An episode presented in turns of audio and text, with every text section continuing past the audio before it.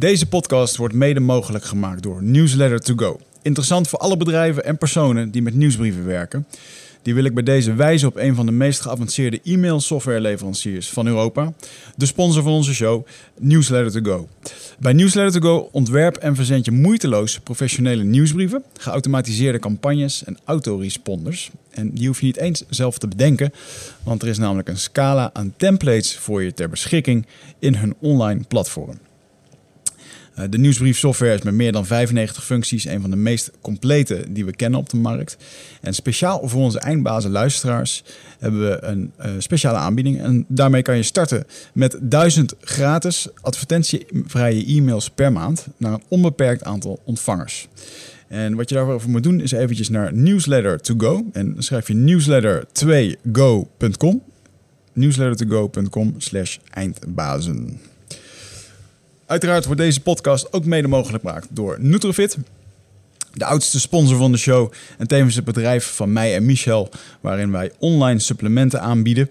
Uh, supplementen die gezond zijn voor je brein en voor je lichaam. En wij hebben er met name een mooie specialisatie uitgekozen dat we daar heel veel nootropica verkopen. En ik hoop eigenlijk dat tegen de tijd dat deze podcast uit is, dat jullie daar een nieuw product van ons gaan vinden. En dat is onze eigen CBD-olie. En eh, voor de mensen die last hebben van uh, slecht slapen, of misschien heb je uh, bepaalde aandoeningen waar je last hebt van je spieren, daarvoor werkt CBD-olie behoorlijk helend. En ehm, nou goed, dat zou je zelf uit moeten proberen. Alle producten hebben we money back guarantee. dus je kan het risicoloos gebruiken. En dan kan je het terugsturen als je het niks vindt.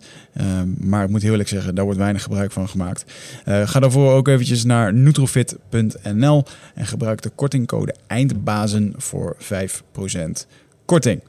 En dan hebben we nog uh, twee evenementen in de planning. En dat is uh, mijn eigen Overleven in de Jungle workshop. Dat zal gebeuren op 6 augustus in Amsterdam.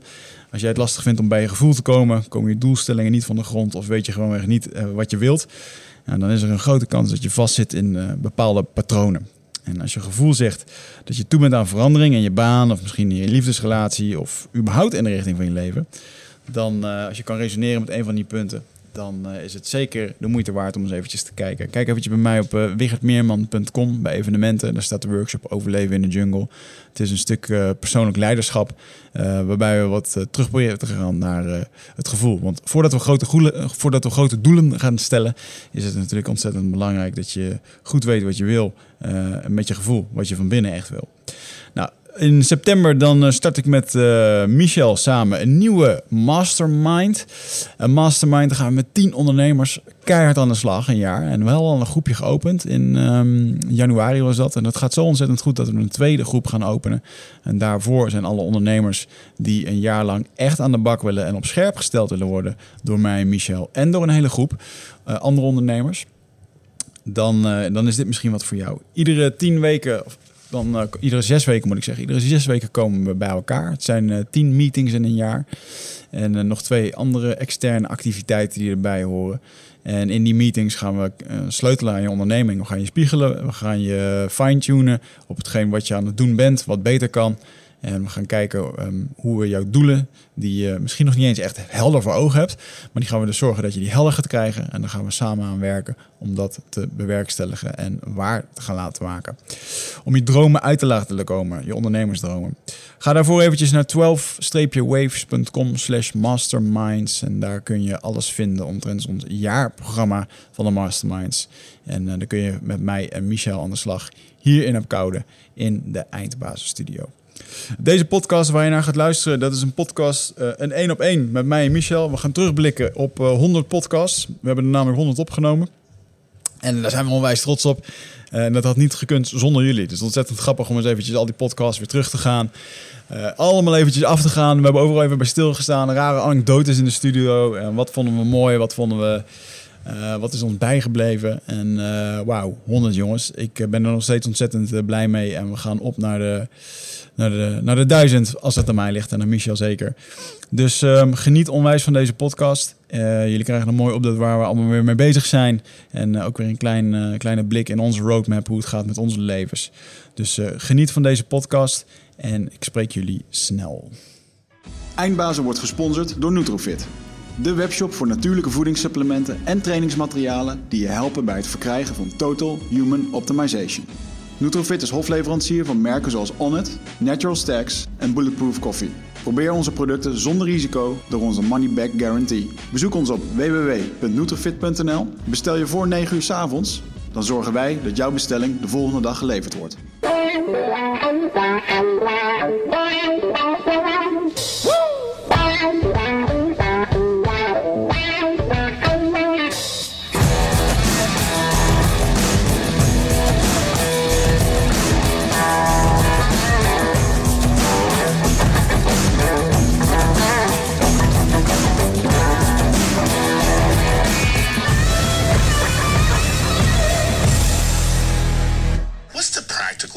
Of jujitsu?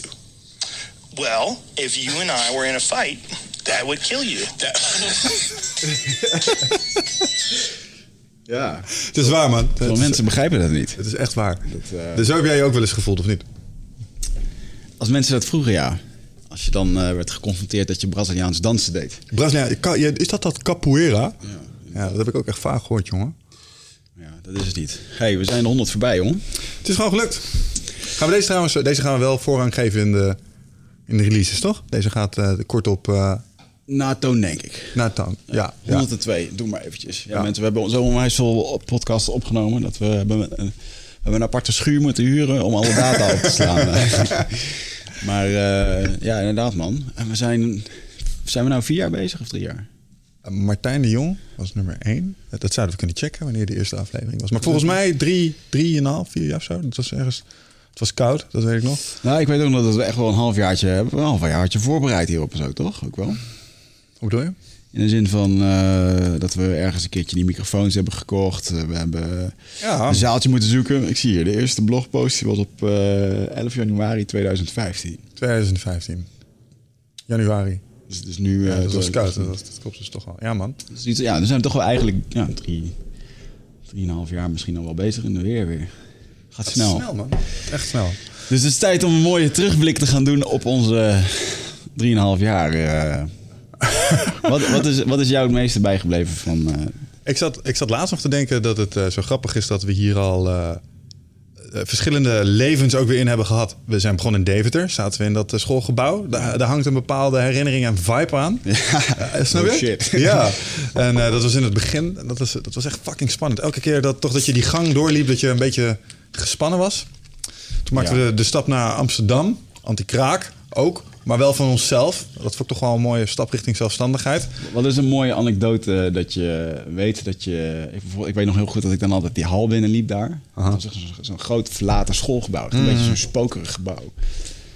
En ik weet nog wel, wat was het nou op een gegeven moment ook? Toen hing op een gegeven moment, was alles helemaal dicht, dichtgetaped met, eh, met geel tape. Dat er... eh, had iemand asbest of zo, wat was er ingestort in die Ja, kelder ja, of zo. ja, ja, ja, ja, ja.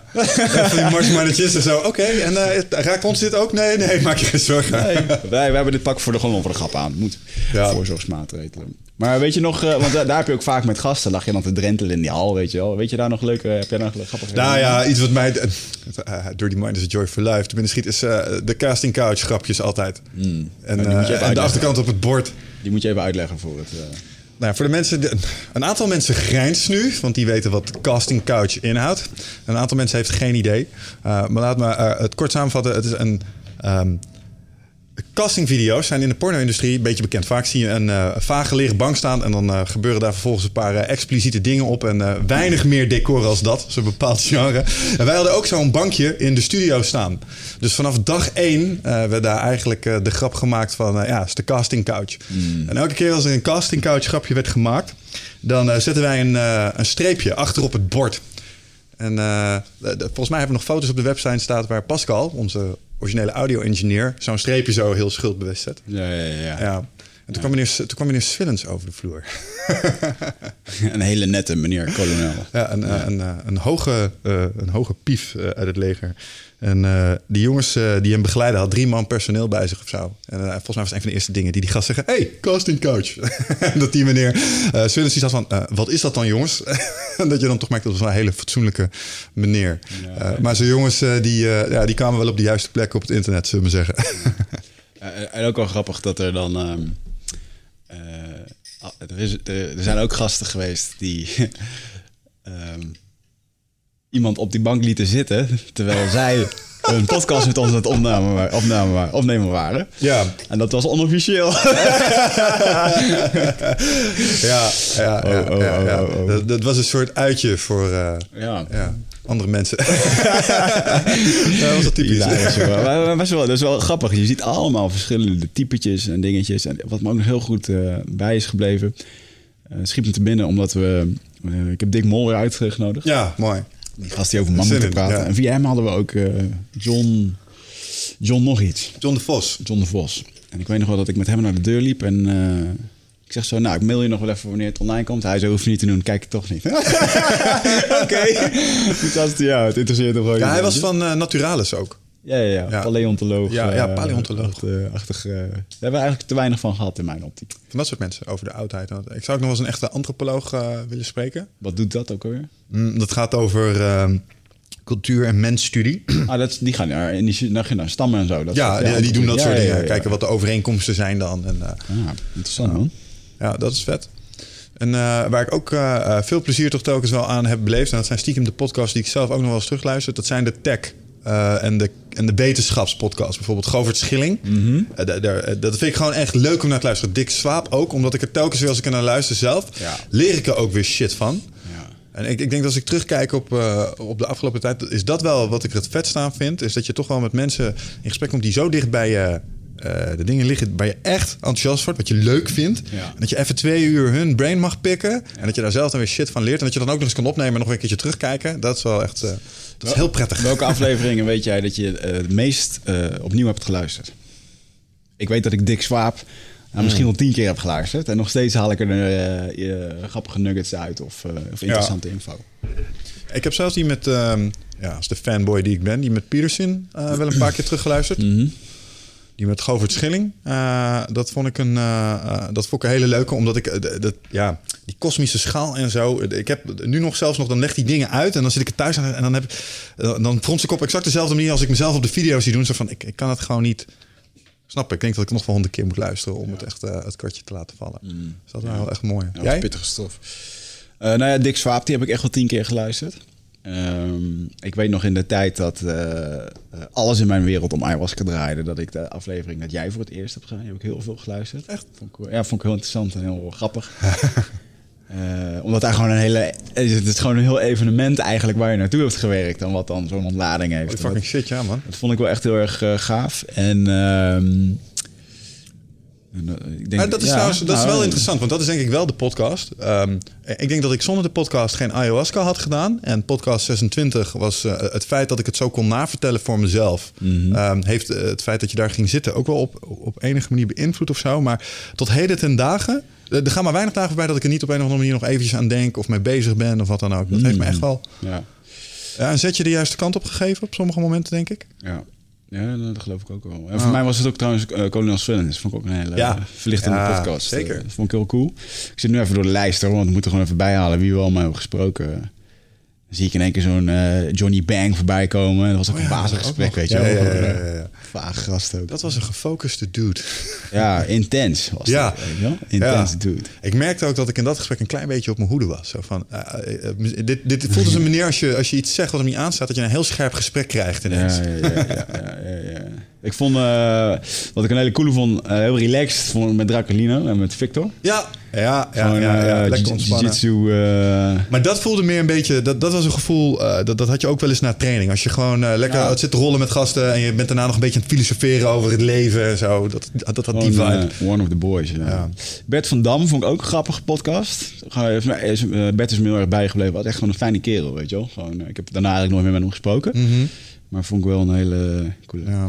Ik vond mijn eh, jungle-avontuur heeft voor mij ook heel veel gedaan. Want heel veel mensen daar, daar krijg ik nog heel veel aanspraak op. ja, dat kan ik me wel voorstellen, ja. Eh, Christian Tan zit ik ineens te kijken, nummer 52. Vond ik ook een grappig gesprek. Jullie waren het eh, alleen filosofisch niet helemaal met elkaar eens. Nee, maar wel heel eh, fijn om met hem te kunnen discussiëren. En, eh, ja. Wat, wat mij daaraan opviel, is dat sommige mensen erdoor verrast waren dat we, ehm, eh, dat we ook met mensen die blijkbaar, eh, die, die schijnbaar ver van ons eigen gedachtegoed afstaan, toch dit soort eh, gesprekken aangingen. Daar heb je wel complimenten gehad. Van oké, hey, super, open-minded van jullie. Want jullie lijken niet heel erg eh, christelijk in dat opzicht. Sterker nog, jullie lijken soms wel de andere kant een klein beetje te vertegenwoordigen. Ehm, dus ja, ja, dat was een mooie. En zie ik Mental Theo voorbij komen. Ja, dat vond ik ook goud. Die heb ik ook veel zin aan zitten luisteren. Omdat ik... ja, ja, ik praat zo snel. Ik moest echt even herhalen wat hij allemaal had gezegd. Ja. Steve Maxwell vond ik ook grappig om te, om te hebben. Eh, Bob Schrijver was ook een klassieker. Ja, zo. Ik zit trouwens even te denken. Hebben we het er met Maxwell over gehad toen? Want volgens mij is die podcast ook één waar ik nog steeds iets aan over heb gehouden, namelijk het hangen.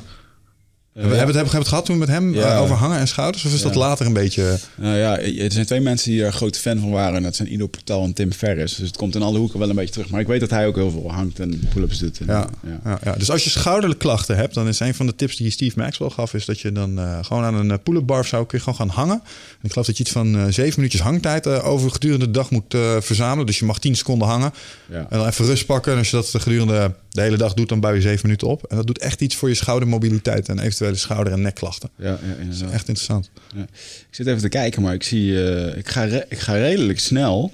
Ik zit naar die afbeeldingen te kijken. Redelijk- die, die blauwe achtergrond, die hebben we eigenlijk relatief niet zo heel lang gehad. Hè, dat, eh, wat we daar gehuurd hebben. Je gaat in één keer weer helemaal naar dat schoolbord. En denk fuck man, Mentetier zat inderdaad toen bij ons. Ik kan Ja, dat was allemaal in Deventer. Ik kan me dat herinneren als gisteren. En ehm, eh, Gino vond ik ook heel leuk. Ja. shamaan. Eh, Ja, super extra bijzonder natuurlijk omdat hij degene was die mijn ceremonie destijds Ja, samen ja, met Don ja. José. Zeker.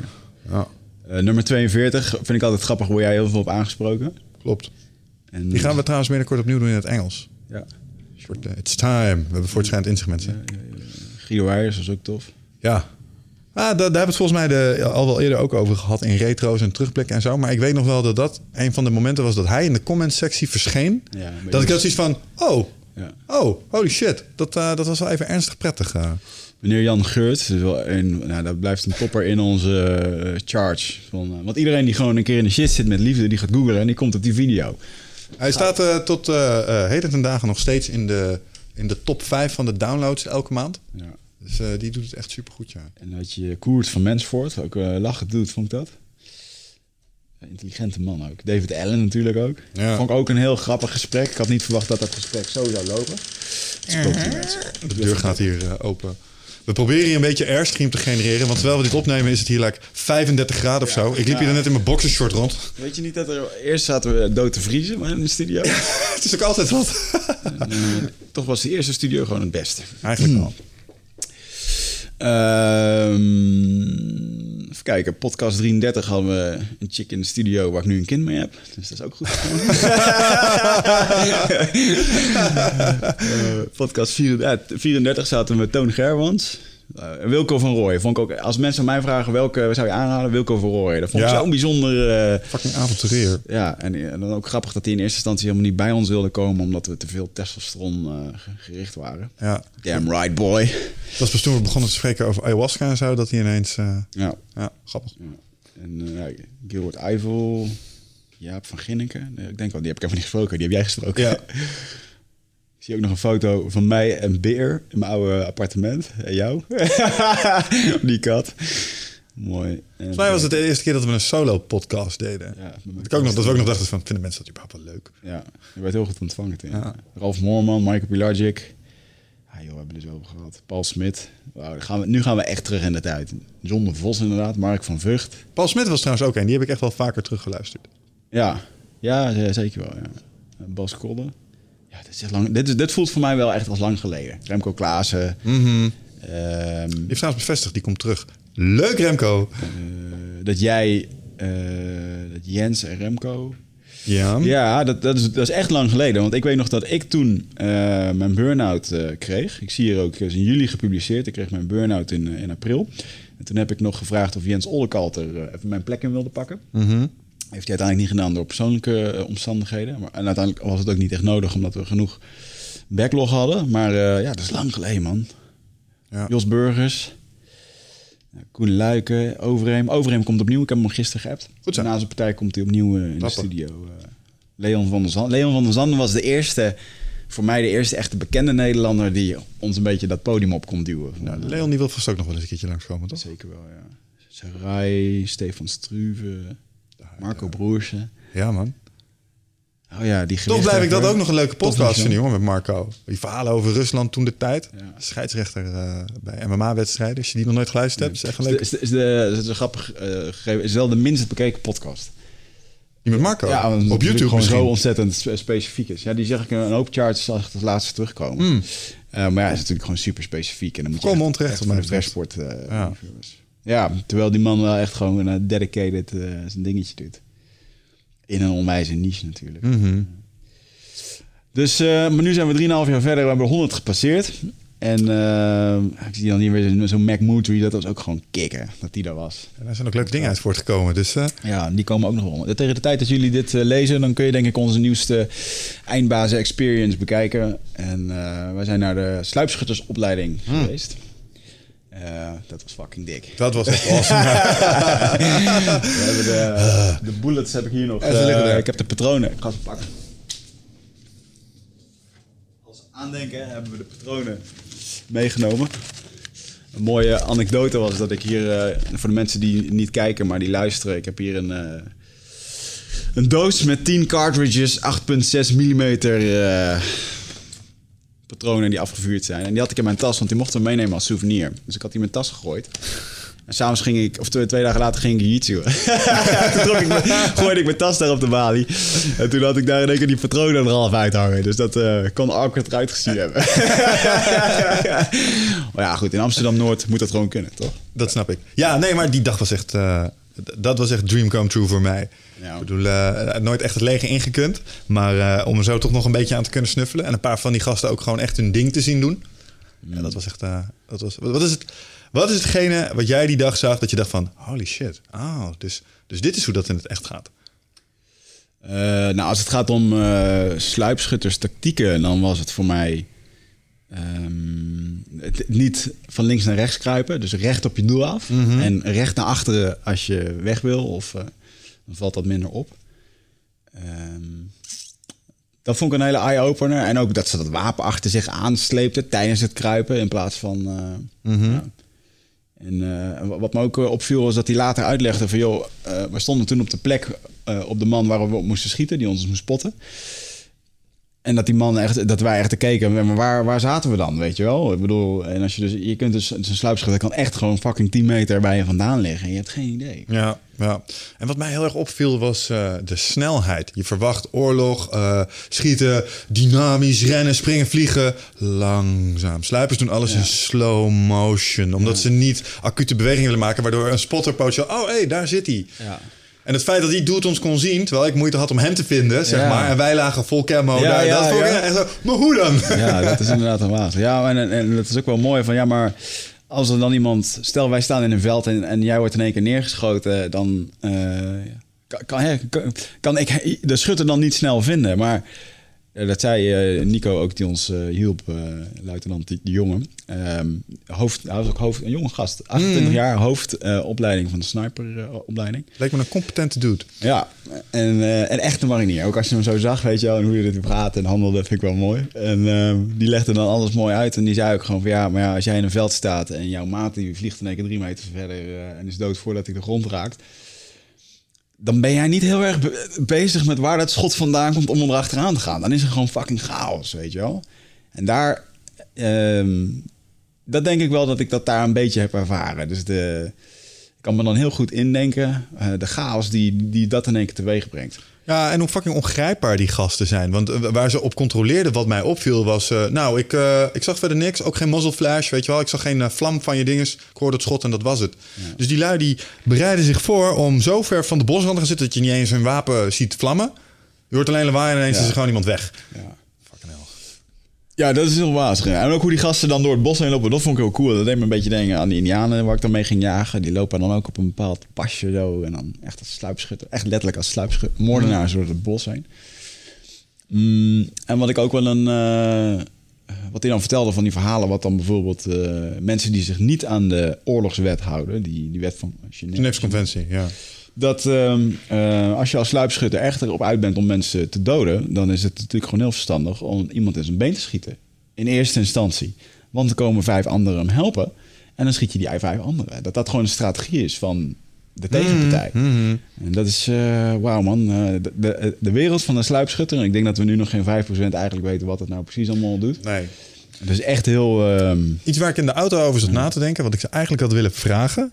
Ehm, want wat jij zegt, dat klopt. En dat doet mij altijd denken aan eh, bijvoorbeeld films zoals eh, Saving Private Ryan. En er zit zo'n hele, zo'n zo'n gruwelijke scène in waarbij ze echt letterlijk dit doen. Ja. En dat een van de rookies de fout maakt van nee, niet erheen rennen, weet je. Maar hij ligt te Oh ja, kaperen, is dat zo, weet je. ja? Ja, ja. Of nou, volgens mij, volgens mij wil hij erheen rennen en houden ze hem terug. Zo van, want dit is een strategie, dit is wat ze doen. Ja. En dat die schutter inderdaad nog een schot los, maar dan in zijn schouder, weet je wel. In de hoop dat mensen daar naartoe komen. als je dat dus niet weet, dat soort strategieën, dan kijk je naar zo'n film en dan is me dat helemaal niet bijgebleven. Nee, maar wat, me daar, ehm, ehm, wat ik daar dus van weet is dat sluipschutters. ehm sluipschutters worden zelden tot nooit krijgsgevangenen genomen. Mhm. En dat is niet omdat ze zo ongrijpbaar zijn. Eh, dat is omdat als je een sluipschutter te pakken krijgt, eh, die gasten die, eh, die neem je gewoon niet gevangen. Oké. Dus dan weet je gewoon als sluipschutter. Als jij, stel je voor, wij zijn met Ja, z'n zessen. Hè? En, nee, we zijn met z'n zessen. Hij heeft vier van ons kapot geschoten. Ja, ja. We hebben hem eindelijk te pakken. Wat gaat er gebeuren met die dude? Ja, ja. Dat is grappig dat je dat ehm, beschrijft. Want ik zat laatst te kijken voor eh, ehm, eh, mijn boek. Ik had mijn, mijn boek ingestuurd naar mijn editor. En die zei weer, het is één grote wol van brei en allemaal gedachten. Er zit geen structuur in. En dus ik moest even wat dingen opnieuw doen. En toen zat ik te kijken, oké, ehm, hoe kan ik nou structuur bouwen in mijn, eh, in mijn boek? En dan ben ik gaan kijken naar verschillende films die ik heel erg tof vond. Waarbij ehm, verschillende gebeurtenissen heen en weer in de toekomst gaan. En dan kwam je op één film, bijvoorbeeld Dunkirk. Ja. Dunkirk heeft een bijzonder iets dat het eh, iedere keer van lucht naar land naar marine gaat. Lucht, land, en de hele tijd gaat het daar. En, uiteindelijk gebeurt er in allemaal, allemaal in het eerste begin begint er een climax.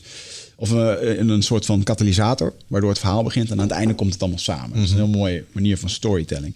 En toen zat ik er verder op te googelen. En toen werd ook, ehm, eh, zag ik een ander filmpje waarin exact wat jij nu beschrijft, werd uitgelegd hoe dat in sommige films heel erg goed weer was gegeven. En er is een scène in Saving Private Ryan waar een Duitser zich probeert over te geven. Ehm, en die begint dan heel erg aardig te doen, begint ook liedjes te zingen, alles om maar niet. En dan moet ook zijn eigen graf graven. En op een gegeven moment denken ze, nou weet je, ehm, fuck man, we laten hem gewoon gaan of zo. En dan laten ze hem los en dan lopen ze toch weg. En op een gegeven moment dan, eh, dan lopen er toch twee of drie gasten die lopen gewoon terug en die slaan hem gewoon dood. Omdat ze gewoon boos waren, omdat hij, eh, ja, weet je, heeft toch gewoon maanden doodgeschoten. En, eh, dat is echt een bizarre, een hele bizarre scène. Maar er werd in beschreven, psychologisch, ehm, ja, heel erg menselijk, omdat dat eh, dus gewoon gebeurt in oorlog. Vergelding. Het, Ja. het gaat om vergelding. En eh, in oorlog heb je... Dat is de meest pure vorm van tribalism. En eh, Ja. ja. de tegenpartij is op een gegeven moment echt geen mens meer voor je. Ik kan me levendig voorstellen. Maar dat is eigenlijk een vraag die ik zou willen stellen. Zo van, joh, eh, is dat daadwerkelijk zo? Is, of is dat een, een Hollywood-ding? Eh, en hoe ga je daarmee om voor jezelf? Snap je? Want je bent echt een sluipmoordenaar. Sluipmoordenaars, dat zijn, eh, ja, dat is... eh, daar ga je anders Ja. mee om als iemand die je face-to-face een battle trotseert, denk ja, ik. terwijl, terwijl deze mannen echt heel erg... Ze wordt iedere keer toch weer een beetje meer gepositioneerd als mensen die informatie Verzamelen. ze waren ook heel sterk recon, ja. Eh, en daarom lijkt het mij juist heel erg verstandig dat sluipschutters super waardevol zijn. Om, eh, want je hebt alle informatie en dingen en die weten heel veel. En eh, die gasten zijn niet gek. Nee. Ehm, Nee, maar, ik heb het nu over een, bijvoorbeeld een, situatie waarbij je echt in een vuurgevecht bent geweest met die gasten. En ze hebben burgers uitgeschakeld en zo. Ja, zeker. Maar Ja. Als jij door het bos wandelt, er is nog niks gebeurd en je vindt twee van die jongens. Ja, dan denk ik dat je ze meeneemt naar huis. En dan gaat het ondervragen. Ja, mensen kunnen tot rare dingen gedwongen worden. Ja. Of eh, als, je, ja, als je maar ver genoeg pusht inderdaad. Ja, maar je kan wel zien dat die gasten echt... eh, dat, dat merk je ook wel aan hun... eh, dat, dat vond ik met name opvallen. Dit waren serieuze jongens die dit deden. En die hadden ook ambities om naar speciale eenheden te gaan. En dat zijn echt wel jongens Ja. die zich eh, terdege realiseren wat ze te wachten Eh, staat. Het is in principe al een speciale eenheid. Maar inderdaad, sommigen waren in training voor die Mars of waar we in september weer heen gaan. Ja. En een ander dingetje wat mij heel erg opviel was toen we eenmaal op die baas waren. En dan zie je allemaal van die gasten rondlopen. En sommigen in groepjes, sommigen waren een wapen aan het maken. Er lagen ook shitload aan wapens op de grond heen Ja. verspreid. En eh, ook we hadden mazzel, hè? in- Ze waren toevallig inventaris aan het doen. Ah, oké. Ja, dat is niet standaard. Oh, we hadden echt, echt mazzel dat dat spul er allemaal lag. Ja, dus er lagen allemaal in beslag genomen eh, van die Tommy guns, shotguns. eh, ook- Bazooka. ja, ook dat. Ja, echt van die Terminator eh granaatwerpers. Echt, F-60, eh, ja. Dat waren coole dingen. Dus, Ze hebben veel foto's gemaakt. Maar ik had daar wel, daar had ik wel echt zoiets van, dit is echt is een filmscène, weet je wel. Ja. Echt zo'n, ook die vibe met al die gasten die daar gewoon militair zijn. En eh, ja, heel bijzonder om dat een keer eh, mee te maken. En dan, scène van een film. ja, het is ook wel een beetje een, eh, eh, ja, het is echt gewoon ook een tribe, weet je wel. Ook een Hmm. bro- een brotherhood. Ik snap wel dat mensen daar een hele hoop in, ja, en kunnen vinden. Ja, zeker. Dus dat was echt een, eh, ja, dat was echt een gave experience. En, en als je erover nadenkt, dat is dan toch ook wel... Ja, dat zijn toch wel een beetje de krenten in de, eh, in de pap. Ja. Ik bedoel niet dat het zwaar werk is of zo om in zo'n studio te zitten... en leuke gesprekken te voeren met mensen. Maar je merkt wel dat... ehm, nou, je geeft toch iets weg. En dan, dan zie je toch ook dat je zo af en toe cadeautjes terugkijkt. En dit was er echt één hoor. Voor mij. Ja, dit, was heel gek. dik, ja. Dit is het, al- dat is het allemaal waard. Als mensen vragen waarom we doen wat. En de, de laatste keer dat ik dat ook echt had met een gast... was toen we bij Jan de Lauw mogen. Die komt dan na de 100. Dus eh, we mogen hem eigenlijk niet bespreken. Maar dat vond ik ook wel heel bijzonder. Om daar, eh, eh, toen ik daar wegreed had ik ook zoiets van... Ja, Maar dat is gewoon een stuk Nederlandse cultuur. ja, ja De zeker. personificatie van een stuk Nederlandse die heeft... ehm, nou, ik denk iedereen die deze podcast luistert... op een of andere manier ben je vast wel eens in aanraking gekomen met zijn werk. Ja, zeker wel, ja. Het, eh, ja, een bijzondere man ook om daar te zitten. Ja. En, eh, even kijken, wat hebben we nog meer gehad? Ik zit even terug te kijken naar... Ja, Oh, natuurlijk, je- we hebben de grote eindbaren gehad. Dat is misschien ook nog wel even een dingetje om bij stil te Klein- staan. klein detail. Ja, klein Ja. detail, ja. Om de honderdste te vieren. Dus voor de mensen die er niet zijn geweest, ja, wij dachten van... eh, Waar was je? André, ook dat, waar was je? En ik begin in één keer een hooikoortsaanval te krijgen. Ga ik dan zo meteen gewoon even mijn ogen druppelen hier op de camera, denk ik. Ehm Microdosen. microdosen met... eh, LSD. Nee, met vogel. eh Poep. Nee, zo'n ding hier. Oh, van Dr. Vogel. Ja, vogel. Oh, je doet een homeopathie. Zullen we dat eens googlen? Dit? Ja? Of dit goed is? Of dit werkt? Dat Nou, ik weet dat het werkt, want het geeft echt instant eh, relief. is placebo. Ah, hij is nu, hij is high. Oh, ik voel me goed, jongen. maar het is wel heel lekker. Dit is echt iets wat... Wat zit erin? Is nieuws, ja. Als je het dan leest, dan denk je, is dit homeopathisch? Hmm. Hyaluronic acid. Nee, klinkt goed, jongens. Camomilla, nou, sodium, chloride. Top. Zout. Sodium, ja. Maar het werkt wel inderdaad. Nou, fijn. Maar ehm, Je hebt nee, grote eindbaanshow, man. ja, dat vond ik lachen om. eh, want we kregen natuurlijk andere kuipers niet gestrikt. Wel een hoop andere gasten waarvan we dachten van ja, wat is nou de honderdste? En toen dachten we, weet je, fuck it, we gaan er gewoon een mooie show van maken. Ja, Willem-Alexander was ook druk. En eh, ja, had ook geen, eh, nog geen tijd. En toen dachten we van nou, dit is dan de oplossing. En ik vond het een succes, man. Ja, ik vond het echt super gaaf. Ik, het panel was ook, daar was ik met name super enthousiast over. Dat werkt gewoon. Ja. Dus eh, vier van die, man- eh, van die eh, mannen op een podium zetten, jij inclus dus. Ehm, en die gewoon een gesprek laten voeren over onderwerpen, gevoed door mensen uit het publiek. Dus in een Q&A-setting en dan, dan toch een klein beetje over praten onderling ook. Ja, ik had het al vaker gehoord bij, eh, eh, bij andere podcasts. Bijvoorbeeld Sam Harris, die deed dat ook. En dacht ik, ja, dit zou, maar zou ook eens kunnen werken bij ons. Alleen is het niet Amerikaans of zo. En er komt er wel een leuke zeg maar, onderlinge eh, interactie. Maar ik was echt super blij met hoe het publiek was. De vragen die ze stelden, hoe erop gereageerd werd. Ja, dat was echt een zeer geslaagd onderdeel. Ja, vond ik ook wel. Ik vond wel die... ehm, eh, we deden eerst presentaties. Dus als ik het nu moet beschrijven, dan beschrijf ik het als een TED-talk met meer testosteron en meer entertainment. Ja. Ik vond ook, de sfeer was tof. De mensen die er zaten, joh, waren gewoon fans van het eerste uur. En eh, eh, ja, gewoon een waanzinnige sfeer. Joh. Er zat ook, ik had er zat ook niet echt één slag publiek of zo. Het is gewoon zo wazig wat er allemaal op afkomt. En dat is wel echt een... eh, ja, daar kan ik wel heel erg van genieten. Eh, en de dag hebben we gewoon lekker vijf presentaties gedaan. Allemaal over het onderwerp geluk. En daarna inderdaad eh, de panel. En eh, ik vind dan als je de vragen krijgt, joh, eh, hoe... hoe eh, men gaat meteen onwijs de diepte in, weet je wel. En dat, is, eh, dat geeft ook wel gelukkig het niveau weer van het merendeel van onze luisteraars. Dat vind ik heel erg gaaf. Dat ze zo bevlogen zijn. En, Ja. eh, Ja.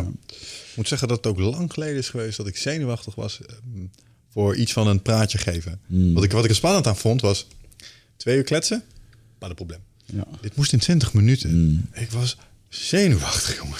ik heb het gewoon echt oprecht. eh, nou, ik denk dat ik het al tien keer heb staan oefenen. En dat doe ik normaal echt niet. Want eh, in een uur heb je heel veel ruimte om binnen je formaat nog wel naar je punt toe te werken. En dat soort dingen. En dan is vijf minuutjes meer of minder ook niet erg. Maar die hier echt gezegd 20 minuten strak. Ja. Was wel even een dingetje. On- Ondanks dat het bekende stof is, is het toch, is het toch nieuw, is het nieuw, eh, nieuw material, weet je wel? Ja. En dat, dat, dat leverde bij mij de grootste zorg op. Van oké, we gaan nu over geluk praten. Je gaat weer over je indianen vertellen. Maar dan is het weer een... ehm, het is toch nieuw. En je moet het dan toch ehm, eh, zien te fixen. En dat... eh, ja, het is niet voor niets dat comedians dat uitproberen voordat het ergens gelanceerd wordt als eh, de show, weet je wel. Met, Ja. dus ik vond dat wel heel erg spannend. En, ehm, eh, maar de- juist ook het spannende, dat, dat maakt mij ook gewoon gelukkig om dat te doen. Als we daar weer eenzelfde verhaaltje hadden gedaan, dan ja.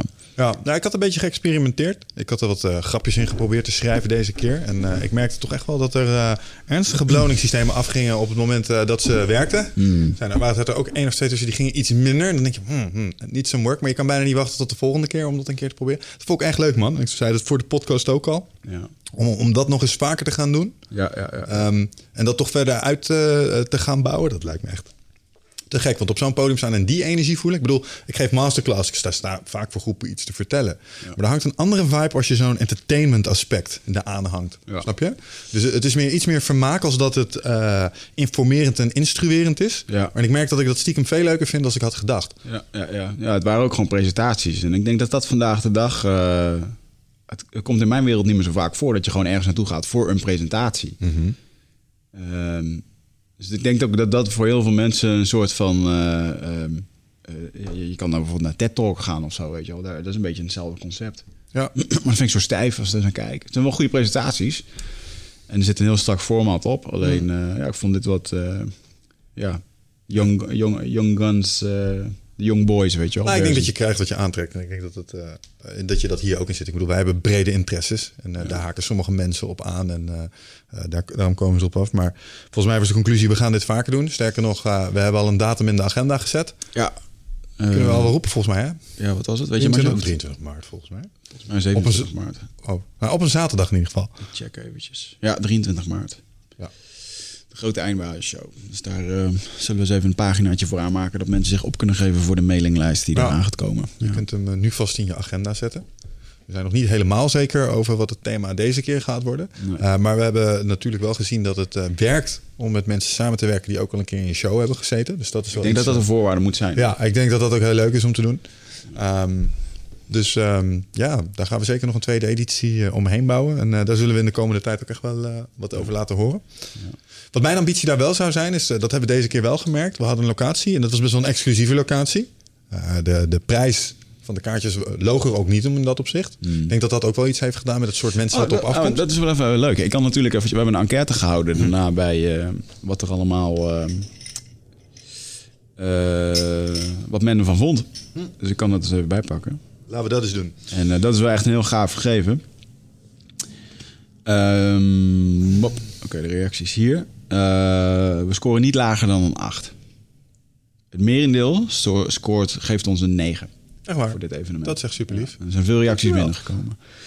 Eh, een paar tienen, een paar achter. Maar het merendeel eh, geeft ons een, een 9 hiervoor. Hmm. Ehm, hoe relevant en nuttig denk je dat dit voor je werk privé was? En nou, dan komen we ruim... de merendeel stemt op een 38%, die stemt op, op een 7. Ehm 16% op een eh, 9 en 22% op een 10. Hmm. Dat is best wel wat. Zou je nog een keer naar het evenement komen? Eh, dan had ik ja, nee, misschien. Nou, nee zit er niet bij. Eh, dus eh, 83% zegt ja. Cool. Eh, degene die misschien zeiden, en die heb ik ook gevraagd van waarom, dan heeft het te maken met, ja, dan moet het niet hetzelfde thema zijn. Nou, Oké. eh, Ah, dat we wel. ja, wel gaaf. Eh, ik ga gewoon even wat reacties eruit pakken. Weet je, wel even vragen, wat is, de, wat is het belangrijkste dat je van dit evenement hebt meegekregen? Eh, heel mooi eh, hoe jullie met humor en energie het publiek bereikten. Was voor mij helemaal geweldig. Eh, het mooie verhaal van Tony, Chocolonies. Eh, een ander zegt, geluk zit tussen je oren. Eh, voorbeelden en inzichten die toepasbaar zijn in het dagelijks leven met betrekking tot geluk. Eh, veel onderwerpen al bekend en besproken, maar in een ander daglicht door de verschillende sprekers. Nou, dat vond ik ook zelf heel gaaf. Dat, eh, Mhm. Ehm, iedereen zat op zijn eigen manier erover te praten, maar je kon genoeg lijntjes trekken met. wat Nou, dat, moet ik zeggen, daar was ik achteraf aangenaam verrast over hoe mooi de verhalen individueel in elkaar klikten. Mhm. Er waren br- bruggetjes tussen die van Paul en eh, Casper. Casper en ik konden een goed bruggetje leggen. Ja. En zo konden we dat weer aan jou koppelen. En het kon weer aan Inzo. En dat, dat paste samen op Ja, een of andere ja, manier. ja. Ja, dat was mooi. Zeker. Heerlijke energie met gelijkgestemden. Eh blijf bewust van het apenbrein dat ons alleen maar in veiligheid wil brengen. Nou, dat, eh, die heeft hij van jouw presentatie, dat moet wel. Of van Casper. Eh, praat, praat hij ook over het apenbrein? Heb je opgelet? De specifieke term? Ah, Oké. Ja, dan- Nee, dat, was, dat was natuurlijk die voor die van jou. Dus je was met andere dingen bezig. Ja, dat snap ik. Ik was bezig, ik was bezig met mijn toy doen. Dat ik op mijn eigen gedachten kan vertrouwen. Nou goed, dit allemaal... Dikke. Find Your Tribe vind ik ook wel mooi. Dus die heeft iemand echt van mij natuurlijk. En, eh, Ja, dat is trouwens nog wel interessant. Dat was wel echt een complimentje dat ik eh, kreeg van iemand. Die zei van, jullie hebben wel echt hier een soort tribe neergezet. Hmm. Het zijn allemaal heel verschillende mensen, maar ze hebben wel iets overeenkomstig. ja, zeker man. Eh, deze vond ik ook heel gaaf. Welke drie woorden komen in je op als je dit evenement moet beschrijven? Leerzaam, doeltreffend, nieuwsgierig, enthousiasme, laagdrempelig, like-minded, community, plezier, baas, enthousiasme, inspirerend, leerzaam, inspirerend, perspectief, verhelderend, stoer, open, energiek, energie, positiviteit, gelijkgestemde. Nou, het En gaat, eh, kut, ja. Staat er niet bij. eh. Hoe vond men dat? Nou, de logistiek zullen we even overslaan. Dat mensen klagen dat ze geen e-mailtje krijgen dat ze nadat ze een kaartje hebben gekocht. Ja, jongens, kom op. Ja, als zijn. dit, eh, ja, ik denk dat het had geregeld kunnen zijn. Maar ja, dat is waar. Ja, nou, nou, voortschrijdend inzicht. Welke cijfer geef je de, de sprekers? Nou, dan zie je eigenlijk niemand onder, de, onder de zes. één iemand heeft een, een zesje score. Maar merendeel zit gewoon tegen de 8, 9, 10. Ja, dat is gewoon te gek, man. Ik, de gemiddeldes kan ik hier niet uitlezen, maar ja, mogen je trots op zijn. Eh, de Q&A werd ook goed ontvangen. Gemiddeld een 8. Zit jij eh, vaak in je hoofd? Eh, neem je heel veel informatie tot je video's, podcast, boeken? Nou, voel je niet schuldig, dat doen heel veel mensen natuurlijk. maar vaak zijn we op zoek naar antwoorden. Eh, gaan we nog meer informatie tot ons nemen. Terwijl ja, de antwoorden liggen toch echt in onszelf. En dat is iets wat we voelen met ons lichaam. Maar vaak zijn we zo erg in ons hoofd bezig ja, dat we dat ook niet meer, dat we daar niet meer echt goed bij kunnen. En dat is graag waar ik je voor uit wil nodigen. Voor Rite of Passage. 24, 25 en 26 mei is er weer een nieuwe editie. Voor mijn retreat voor persoonlijke ontwikkeling. Waarbij het thema echt is om uit het hoofd te komen in dat lichaam. Want dat is waar je alles ervaart. En ik wil dat je gewoon weer in contact komt met, met die, die intuïtie. Ehm, en gewoon een heel sterk eh, innerlijk kompas. Dat je gewoon weer weet waar je naartoe moet. Wat je te doen staat. En dat je gewoon weer helderheid hebt over wat je wilt en hoe dat je dat gaat doen. En dat doen we middels eh, bio-energetische oefeningen, dynamische meditaties, een stuk shamanisme zit erin. Het enige wat er bekend is van het programma is dat er een zweethut in zit. Eh, en natuurlijk gewoon hands-on persoonlijk leiderschap. Eh, dit retreat krijgt een 9,2 gemiddelde van meer dan 331 deelnemers. Daar ben ik ontzettend trots op. Sterker nog, er is ook een money back guarantee. Vind je niks na drie dagen, krijg je gewoon je geld terug. Dus het enige risico dat je loopt, is dat je gelukkiger wordt. Klinkt dit als iets voor jou en durf je het aan? Dan zie ik je op Ride of Passage. Ga naar wichertmeerman.nl en klik op Retreat. Dus, Mooi. eh, We kunnen het hierbij vaststellen dat we het format wel gaan aanhouden, volgens mij. Ja, ik denk het wel. Ehm, eh, ik denk dat eh, voortschrijdend inzicht was ook dat de prijs relatief duur was. En de polls die we hebben gedaan, waarom mensen dan niet zouden kunnen komen. Ja. Ehm, volgende keer nou, gaan we misschien kijken naar een andere locatie. Inderdaad wel wat goedkoper, maar toch ben ik wel van mening dat het, het publiek wat binnen zat, dat ehm, is een ander niveau als publiek van 10 euro met een kaartje. Dat geloof ik ook. En eh, ik denk ook dat dat het essentieel is voor de, voor de sfeer. Mensen wilden daar echt zijn. Eh, alleen merkte ook bijvoorbeeld heel veel studenten die gewoon zeiden: van, ja, jongens, 125 euro is gewoon te veel. Ja. En ik denk dat we de volgende keer eh, misschien met een studententarief moeten gaan werken. Eh, we, we kunnen bijvoorbeeld... ehm, kijk, Early birds. Early birds, Ja. kortingen sowieso. Want dan weet je een beetje naar wat voor locatie je moet gaan kijken. Kijk, als ik hier naar kijk en ik zou echt daarover mogen mijmeren... iets dat we toch wel prediken, weet je wel. Je mag best wel durven dromen. Ehm, dit, maar dan in een, in een theater, weet je wel. Met een, een net iets een groter podium. Ooit, echt ooit een mooi decor. Ooit een keer carré gast. Carré, moeten we ooit een dat soort shit. Ja, maar Dat, dat er gewoon echt een vol theater zit. En dat dit, eh, zeg maar het aantal mensen hier, keer tien. Ja. En ik denk niet dat dat onmogelijk moet zijn. Nee, ja, weet je, laat het ook gewoon lekker groeien. Ik bedoel... eh, Ja, nee, tuurlijk. Daar mogen hier, iteraties eh, eh, overheen gaan. Maar dat zou echt een mooi, eh, een mooi doel zijn. Weet je, dit was eigenlijk ons eerste echte eindbazen live event in 3,5 jaar. Als het gaat om, even niet om training of persoonlijk leiderschap of eh, een, keer doelen stellen, maar echt Ja. gewoon eh, event style. Ik heb er nog over zitten nadenken. Wat, wat, wat we eigenlijk aan het doen zijn is... want jij hebt natuurlijk altijd vechtsportgala's georganiseerd. En wat, wat, wat dit eigenlijk was voor mij... was ook een soort galaatje... eh, maar dan op eh, eh, persoonlijke groei en ontwikkeling, zeg maar. Hebt dat dat format ook gewoon. Jij hebt buiten toch staan vechten met... met eh, Ik stond bij de deur, Met, ja. de bezoekers. Ja. ja, we- aan de VIP-tafels werd ook gewoon gebloot. Ja. nee, maar ehm, ja, ik merkte gewoon dat dat... eh, eh, d- daar hebben we dingen vanuit het verleden... gewoon eh, met de dingen die we nu doen... een soort van gecombineerd. Zoals bijvoorbeeld die kleine dingetjes als even opkomstmuziekje per Ja, spreker. Dat, ja, ja. Daar hoorde ik later nog van mensen. Dat vonden ze echt leuk. Ja, maar ik vond het wel grappig dat eh, eh, de mensen die dat niet eh, gewend waren, die, die kennen dat dan niet. Bijvoorbeeld, eh, ik vond het grappig. Ik, ik mailde Inzo over, joh, geef even je opkomstnummer. En hij mail mij terug. Hij zegt, joh, opkomstnummer. Ik ben, ik ben Michael van Gerwen niet. En ik denk, wie is Michael van Gerwen? Dus ik ga googlen. Dat is die bekende darter, weet je wel. Die komt altijd met van die... eh, Of die kwam volgens mij al met van die hardcore muziek op. Ja, zo. ja, ja, ja. Die hebben ook van die opkomsten. Ja, dat, daar heb ik ook nog eens kijken. Dat iemand daar opkwam met Eye of the Tiger met zo'n bierbuik. Dat ik dacht, ja, Ja. ik zie toch een kleine disconnect. Dus eh, ik vond het wel mooi. En eh, ehm, ja, en dat iedereen gewoon zijn eigen nummertje. En dan eh, in het begin was het van, ja, doe maar wat. En dan drie dagen later kreeg ik toch een mailtje. Ja, doe dit nummertje maar. Daar hebben ze er toch over na zitten denken. hè. Ik vond het lachen, man. En dan mag ook wel gewoon een beetje, eh, ja, een beetje het publiek opzwepen doen. Foto's die staan ondertussen online. Ja, over, denk- eh, trouwens, over publiek opzweken gesproken. Ik wil je nog eventjes eh, vertellen dat eh, mocht jij ooit stoppen met deze carrière, kun je altijd nog als ringspeaker aan de gang. Mm. Eh, you got your Bruce Buffer on. En als je niet weet wie Bruce Buffer is, zoek maar eens. Die heeft een hele Ja. markante manier van eh, vechters de ring in praten. En eh Wichert eh, was bijna 95% match met hem die Ja, avond. dat ging goed inderdaad. Ja, ik vind het altijd lachen. Op, eh op Koninginnedag was ik ook al de MC op de gracht. Als vrienden van mij aan het draaien waren. En dan ging ik rond met de petten, met de microfoon. En ging geld voor ze ophalen. Dat vind je leuk? Ja, lachen. Ja, ja, dat was te zien. Uiteindelijk ben, ik gewoon een, uiteindelijk ben ik gewoon een grote attention whore, weet je wel. Dus, eh, Ik had dat aan het begin, jongen. Ik hoop dat het niet echt veel te zien is. Maar jij gaat dan op een gegeven moment staan springen op dat podium en doen. En ik ben een nuchtere boerenlul. En ik sta daar een beetje zo ongemakkelijk zo van... Jee, maar eigenlijk Ja. wil ik dit niet. ja, dus, dus wel, nou ja, ja, ik, vind dat, ik weet niet, ik heb dan, ik, dat was mijn allergrootste angst. Eh, dat ik heb, een, ik heb een bepaald beeld hoe ik graag evenementen neer wil zetten. Of hoe ik dat zelf wil doen. En dan ben ik natuurlijk geïnspireerd door de, door de mensen waar ik veel naar kijk. En ja, als je dan bij een Elliot Hills gaat, daar gaat gewoon... eh, staat iedereen eh, de eerste half uur gewoon het begon te dansen, ouwe te doen. Maar dat breekt zo ontzettend het ijs. En, ehm, ehm, en, en ik herken ook wel een beetje dat als we... eh, we zijn ook wel eens een keer op grotere evenementen geweest... waar dan in één keer een soort van dansteam Ja. wordt opgeroepen... en dan moeten mensen meedoen en, en dan voel je het ongemak. Hè, want, eh, en uiteindelijk is het heel raar. Waarom kunnen we niet gewoon even lol maken met z'n allen? We kunnen gewoon even dansen, weet ik wat. Alleen, ik weet niet man, het is gewoon onze cultuur. En Amerikanen zijn ook veel gekker. Als je kijkt naar zo'n Tony Robbins met Unleash en eh, dat die shows van hem... Ja. Dan, zie, je- dan zie ik echt een paar gekke Amerikanen. En die gaan daarin mee. Maar ik herken dat wel. Want ik, vind dat, eh, ik merk ook dat ik dat... we, hadden dat we hebben dat inderdaad meegemaakt. Ehm, ik vind dat awkward. Want het is zo verplicht. Ik heb datzelfde, heb Mhm. ik misschien... En dat is in eenzelfde soort stukjes op bruiloften. Heb ik een soort gelijk ongemak bij. Ja? Ja, dat, dat vind ik zo eh, gênant op een of andere manier. Je krijgt dan last van plaatsvervangend schade. Als iemand daar zo'n zo'n lullig alfabet weer op staat. En het, is onge- en het slaat nergens op. En dan- Ah, een, een Ah. liedje of zo'n stukje. Echt zo'n Ja, over- ja, een dat, goede dat speech daar ook, wel van. Ja, Ja. Oké, een, een amusant stukje praten is leuk. Maar zo'n moeilijk stukje gênant. En dat voelt een beetje hetzelfde als je ineens verplicht moet gaan dansen. Of iemand staat heel uitbundig naast je en je voelt het niet. Wij hebben zo'n foto. Iedereen met zijn handen omhoog. Wicht met zijn handen omhoog. Michel die staat er echt zo naar Wicht te kijken. Zo, wat doe je gast? Weet je wel?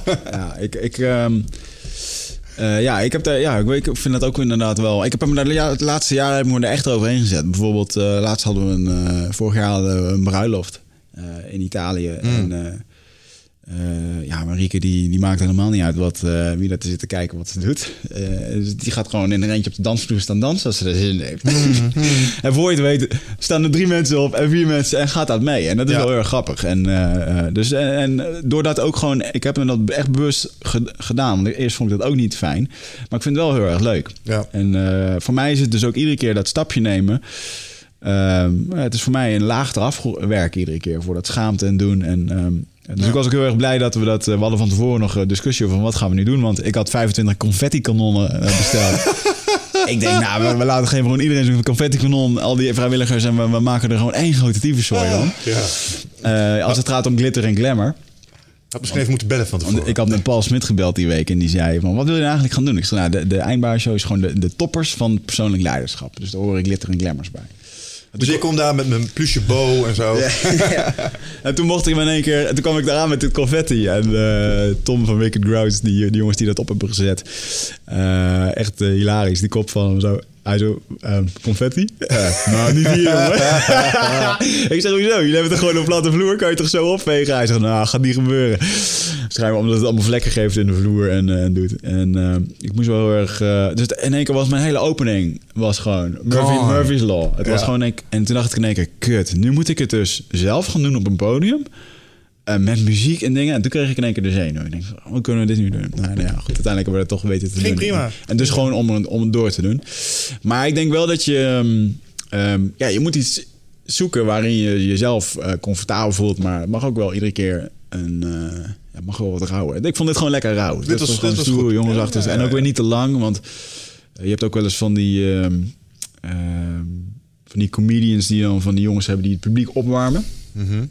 En dat zag ik bijvoorbeeld ook toen we bij RTL Late Night waren, weet je wel. Dat, dat vond ik te lang duren. En dan allemaal flauwe grappen en gollen aan elkaar zitten. Mensen handjes schudden en zo. En dan, ja, vind ik wat... eh, dat doet niemand echt voor zijn lol.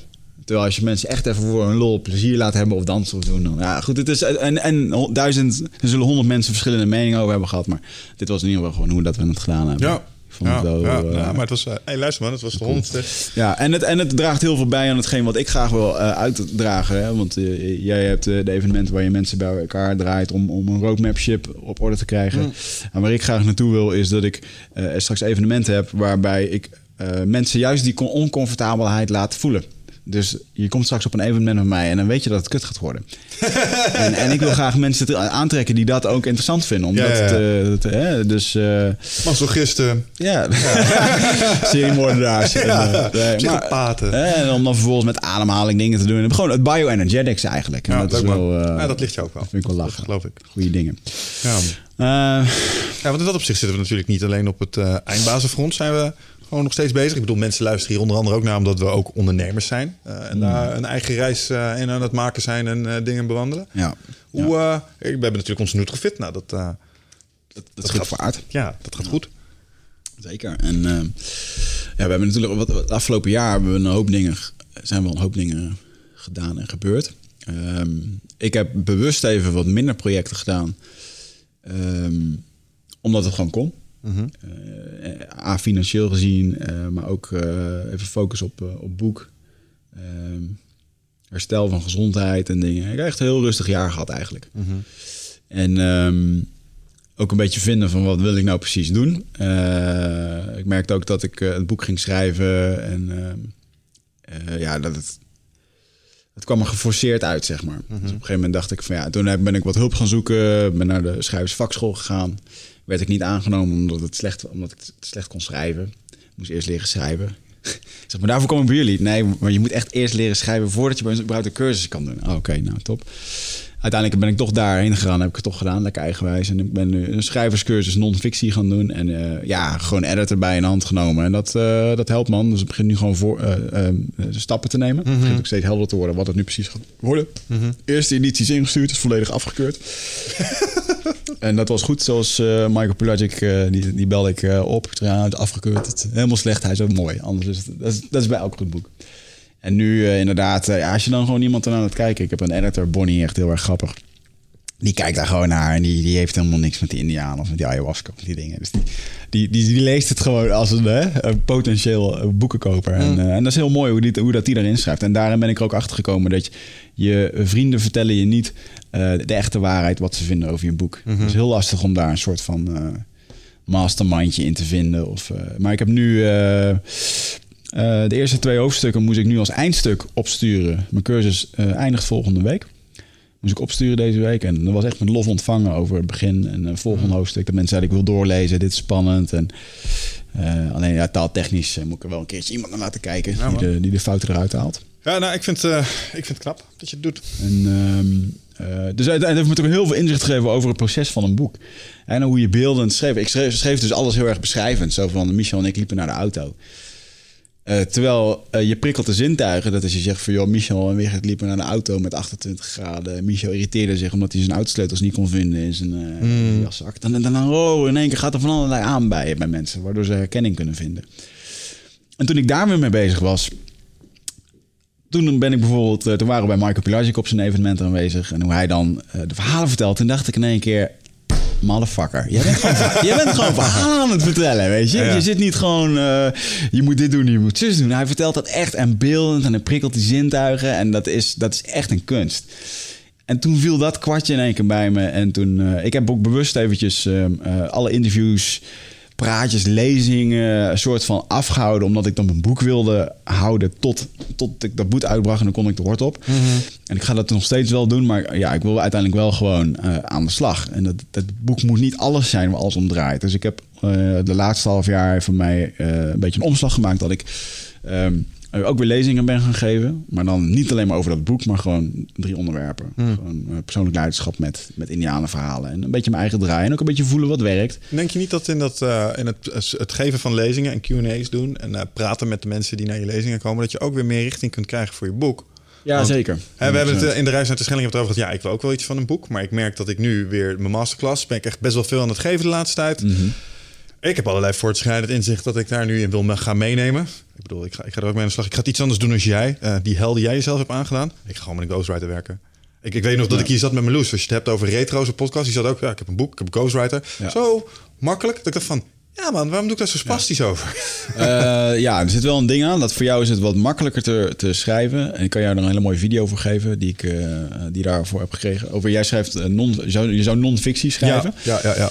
Dus dan ben je eigenlijk gewoon ehm, een systeem aan het neerzetten. En voor, dan is het heel erg belangrijk dat je dat ombouwt met bijvoorbeeld onderzoek of dingen. Dat is het, ja.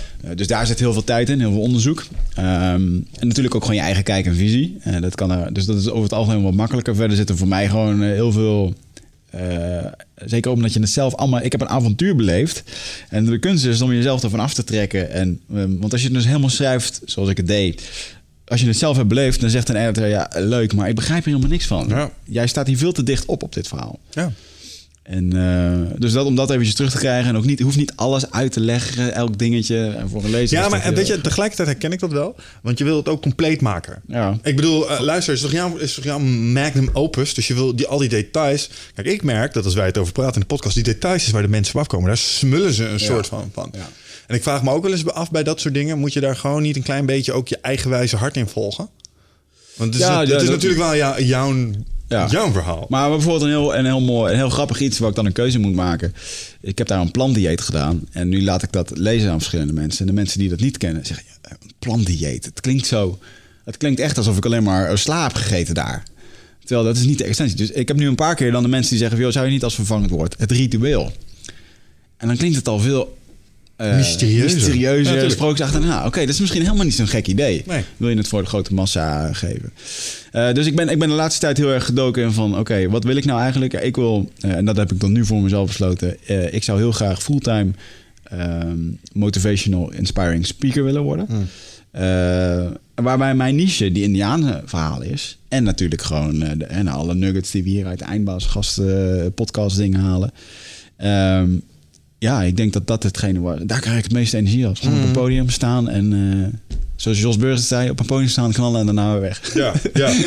dat, eh, dat elimineert zeg maar, het gesprek wat je moet voeren Geen, tijdens. geen trainingen, geen dingen. Dat vind ik ook wel leuk om af en toe te doen. Maar ik, eh, ja, ik ben wel. en ik, ik merk dat ik ook ge- gelukkig de kant kan maken met eh, het stukje entertainment erbij. En dat vind ik ook tof om daar met Paul Smit over te sparren. Dat, Ja. dat we dan gewoon zeggen van joh, je verhaal, je, je brengt het eh, nog steeds een soort van te serieus. Je heeft heel veel voor je betekend. Er mag wel wat meer humor in. Want als je straks voor bedrijfsleven staat, dan moet het gewoon eh, Paul Smit dat kattenfilmpjes te laten zien, weet Ja. je wel, in zijn presentaties. Ja. Dus voor mij een hele belangrijke taak om, het, om steeds weer niet serieus naar te kijken. Meer humor en lichtheid erin. En nou ja, nu begin ik ook echt wel gewoon lol te krijgen in dat boek om dat te schrijven. Dus ik hoop het wel gewoon, eh, ja, ik hoop het wel af te schrijven voor het einde van de zomer. Ja, nee, je weet het. hè. Je gaat niet rijk worden van dat boek. je gaat rijk worden van die dingen. eh, Nee. Of de praatjes die je dat gaat opleveren. Of de credibility die het je geeft. Maar dat is wel een hele tof als het gaat om, eh, oké, hoe gaat het dan met praatjes? Ja, ik zeg dus nu gewoon tegen een aantal bekende bedrijven en ook bedrijven die bij ons in de podcast zijn geweest en mensen die ik heb gesproken, van luister, eh, ik moet meters maken, ik wil spreken, ik kom gewoon spreken en dat doe ik voor niks. Ik, en, en natuurlijk als je er wat voor wil geven, dan is dat welkom. Eh, maar ik moet gewoon meters maken. En voor mij is het nu de taak om, eh, oké, eh, jij wil graag bij de top van inspirerende sprekers van Nederland komen. Hoe ga je er komen? Dus in één keer is de roadmap is in één keer heel erg veranderd in... en ook, wat me ook heel erg heeft laten openen omtrent boeken. Jan de Lauw, die een succesvol schrijver is. Die schrijft gewoon al 40 jaar of zo. Ja, dat doet even. Weet je, dat, er zit gewoon een tractie in van jaren inderdaad. En, eh, ja. Dus eh, de laatste weken zijn wel heel eye-openend geweest. Plus daarnaast dat ik natuurlijk gewoon een kind heb gekregen. Dat helpt ook. Een bizarre ervaring en mooi. En eh, ja, dus daar heeft de tijd ook wel eventjes in, in gedraaid. Dat, dat kost tijd, begrijp ik. Kinderen opvoeden. En je Ja. bent nog steeds, je probeert mij nog steeds te overtuigen door een template neer te zetten die zo. hoorde, ik gisteren, hoorde ik daar gisteren niet een nou misschien in? Nou ja, ik heb altijd gezegd dat. ehm, Ik voel me nu nog eh, eh, mentaal 12. Ik denk dat je tegenwoordig, eh, zeker als man, prima in je 40 jaar ook nog papa kan worden. Ik merk wel dat ik daar milder in ben gaan kijken. Maar als je me nu een pistool op de kop zou zeggen en eh, die zou de vraag stellen ja of nee voor het leven, dan zeg ik nog steeds, nou doe dan maar niet. Hmm, hmm. Dan, dan kies ik ervoor om het niet te doen. Als ik het nu voor altijd zou moeten zeggen, maar ik merk wel dat het, dat het milder begint te worden.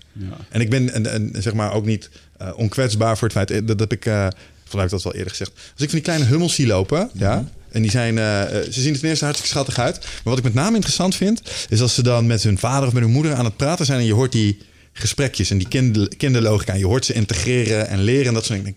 Dat zou op zich best wel gaaf zijn. Ja. Zeg maar, dat proces lijkt me ergens hartstikke gaaf om mee te maken. Ja. Maar ja, dan tegelijkertijd, ik heb ook vrienden die me dan weer wijzen op de keren dat ze hoofdpijn hebben, je bank onderscheiden uh, en al die dingen doen. En dan ja. denk ik al snel van, nou weet je wat, dat klinkt heel irritant. Ja, is grappig. Ik merk dat ik, uh, dat gaat natuurlijk wel met dagen, dat je gewoon zelf druk bent geweest. En uh, dan gebeurt dat, dat de bank wordt ondergescheten of wat dan ook. En dan, maar dan de volgende dag, dan ja, je gaat daar gewoon in, in mee. Ja, ja, dat snap ik. Ja, je hebt ook niet zoveel keuze. Dus daarin zit ook wel nou, een grote les dat uh, je kan de hele fucking dag bezig zijn met het kind. Mm -hmm. Ligt het goed? Eet het goed? Hey, even knuffelen, even doen, even toeteren.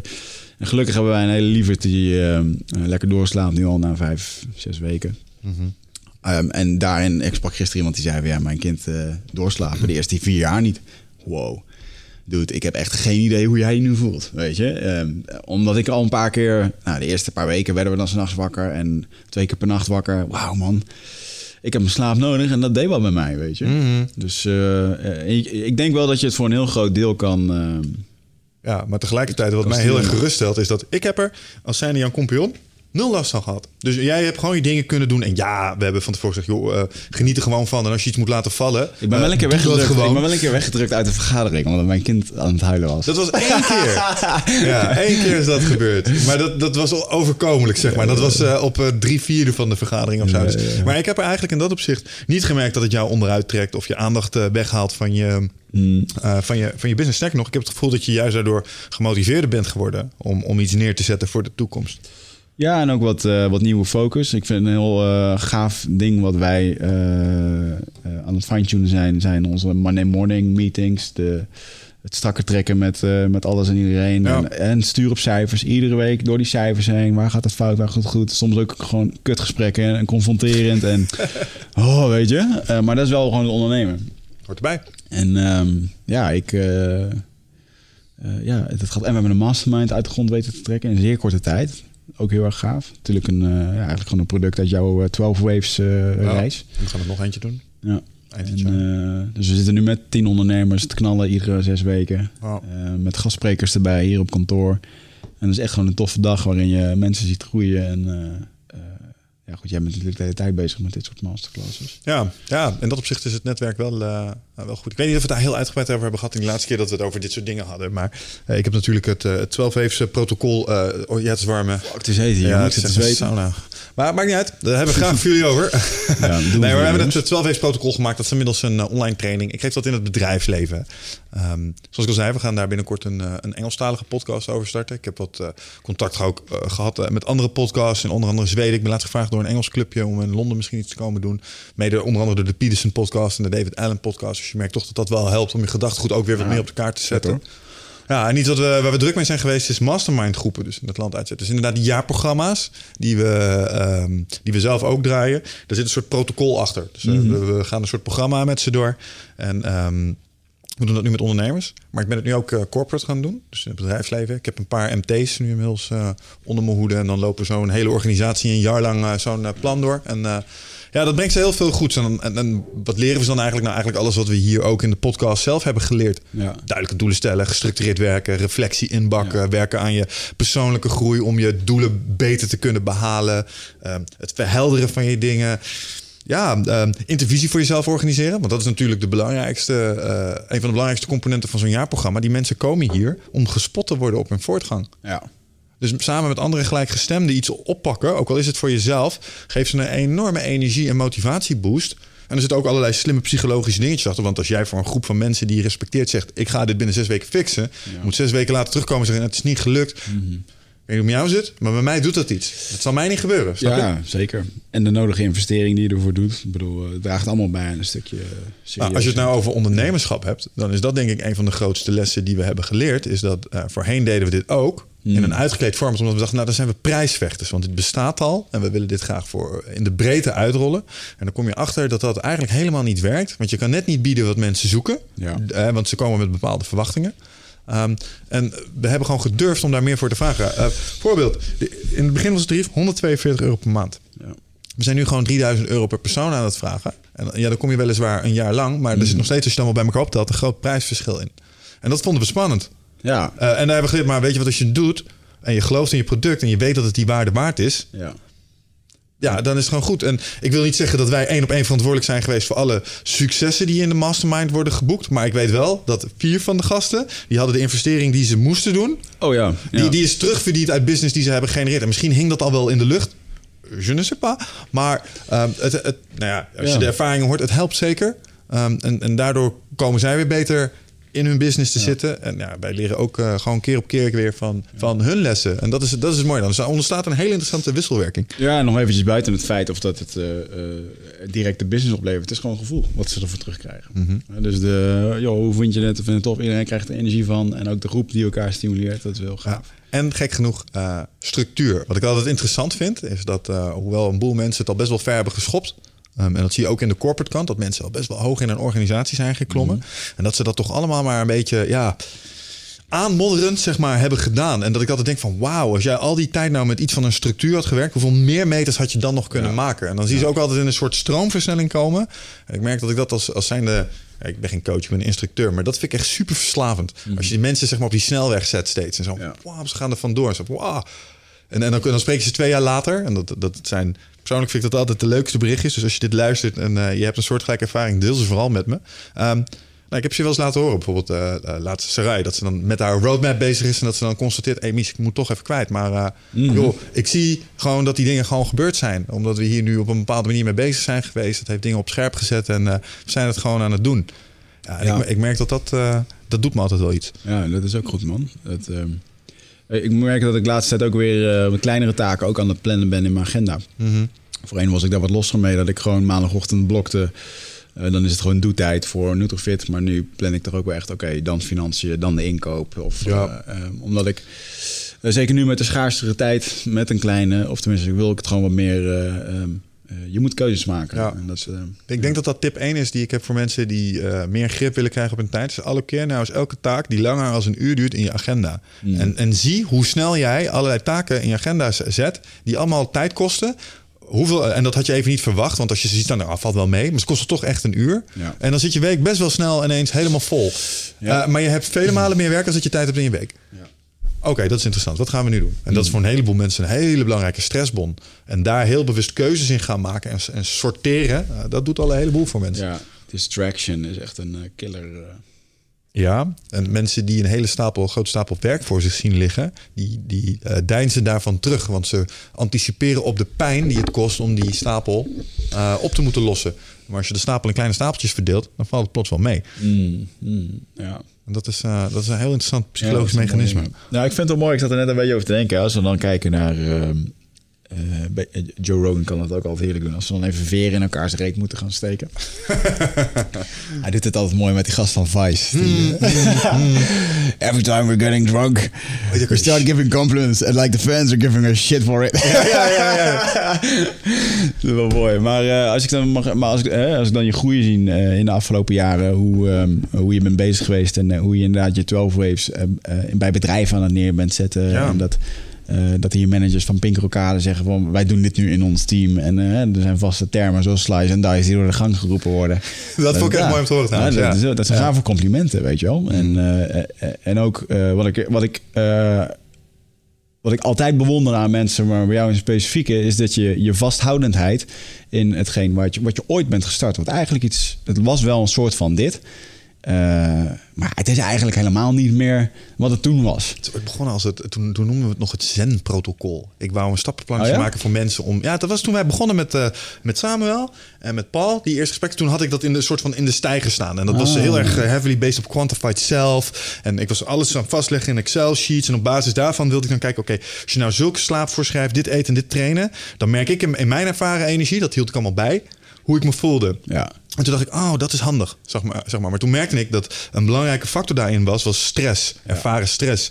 En dat als ik ervaren stress wilde reguleren, dus ik ging eh, minder scoren op mijn ervaren stress. Dan ging het beter over de linie heen met mijn ervaren energie, motivatie en dat soort dingen. En dat was die ervaren stress was niet gekoppeld aan mijn trainen en mijn voeding. Dat was gekoppeld aan hoe ik mijn werk organiseerde en op mijn doelen afbewoog. Want als ik stress had, was het vaak, oh, of ik heb te veel werk en of ik stagneer niet. Eh, of ik stagneer richting de dingen die ik echt wil. En ik ga nu dingen doen die ik de rest van mijn leven.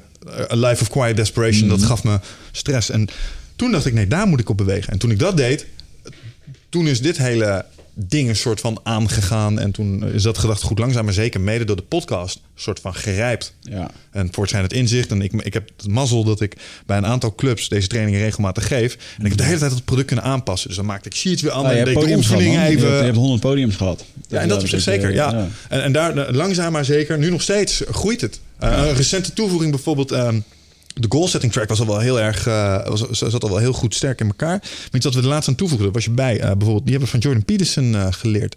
Een, een vision of hell. Eh, toevoegen aan je roadmap, zeg maar. Dit is wat er gebeurt als ik niets doe. Ja.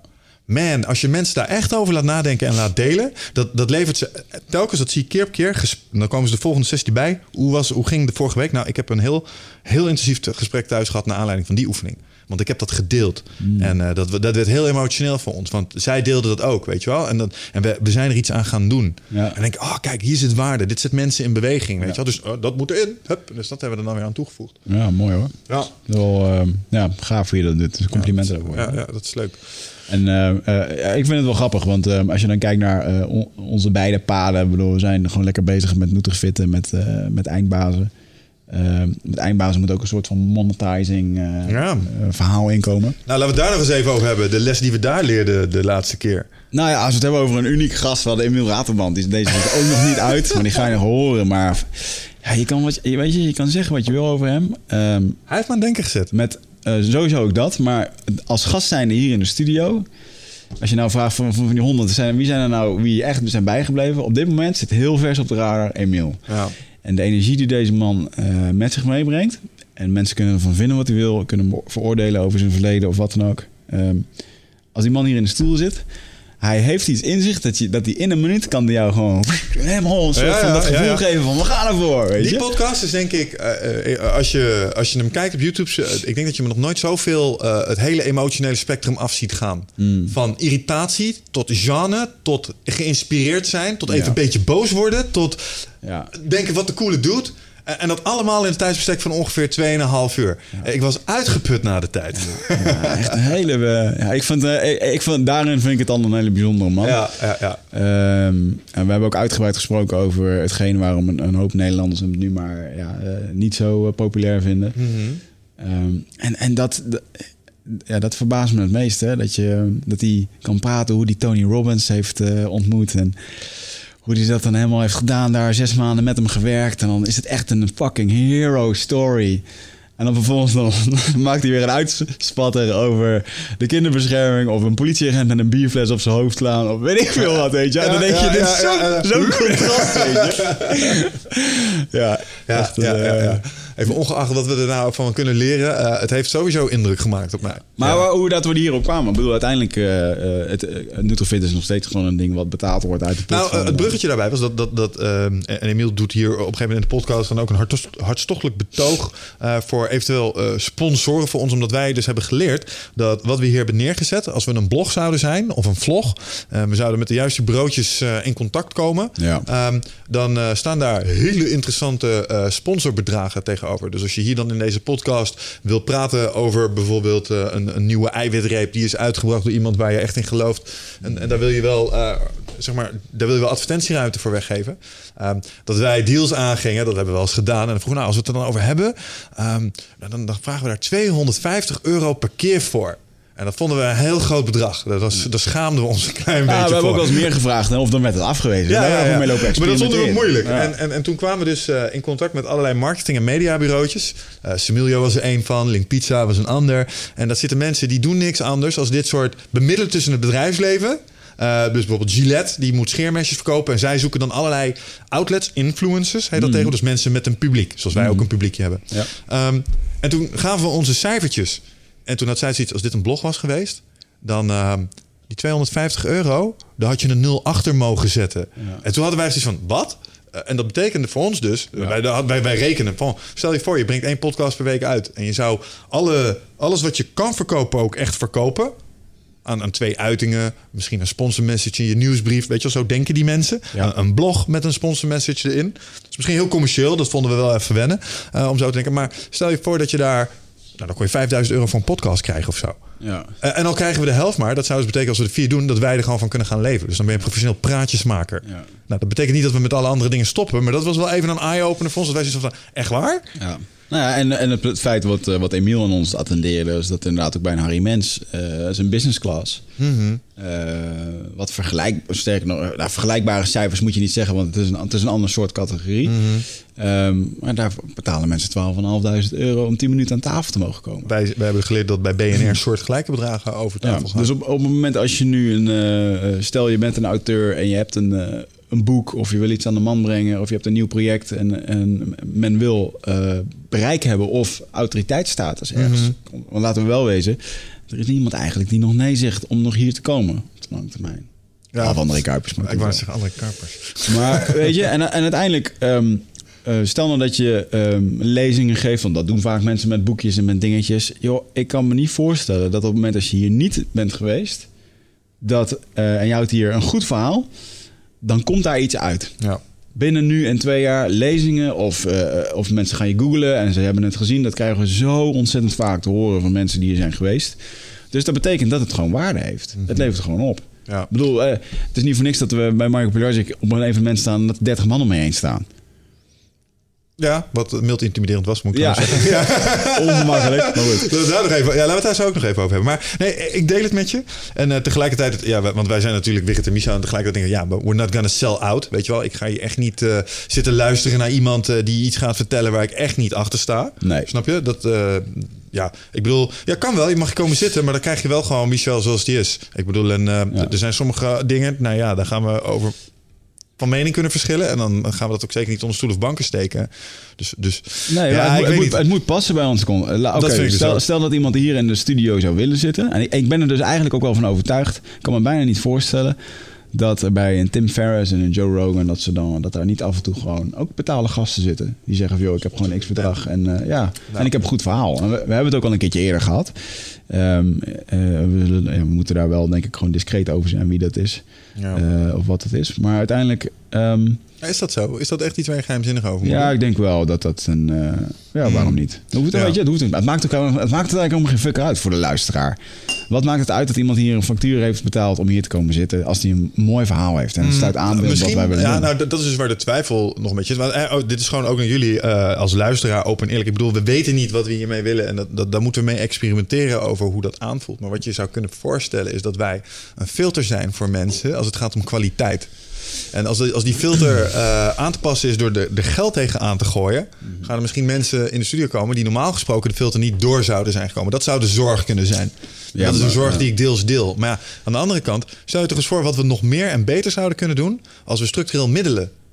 Als we hier geld mee zouden kunnen Ja. verdienen. En dit is het enige wat we doen. Uh, ik kijk hier naar een brakke laptop die onze po- podcast opneemt van 200 eu. Ja, ja. Um, de- we kunnen hier wel wat upgrades gebruiken tegelijkertijd, snap je? Mhm. Uh, Nou ja, zeker. En wat dacht je van twee podcasts per week uh, uit kunnen brengen? Omdat je plots je vrijwilligerteam ook iets kunt gaan vergoeden ervoor. Zodat je met je release interval omhoog kan. Dus je Ja. kunt meer content gaan produceren. ja, zeker. We hebben een productiestraat in gedachten. Daar willen wij een programma gaan gebruiken. Ustream, ik noem maar iets. Ja, en meer content. Ik bedoel, we hebben genoeg experiences en kansen en dingen, maar het, ontbreekt inderdaad dan in Ja, principe. we, gewoon we need money. En luister, we hebben natuurlijk Nutrifit als hoofdsponsor. Maar ja, we hebben ook gewoon onze eigen vaste lasten. en Ja, maar dat zou eigenlijk dus een keertje zou dit moeten moeten gaan renderen. Om zo, oké, we hebben nu zoveel gedaan. We zijn er 3,5 jaar mee bezig. We hebben 100 afleveringen gedaan. Eh, als we dat in uurtjes, uurtariefjes gaan omrekenen, nou dan... eh, Ja.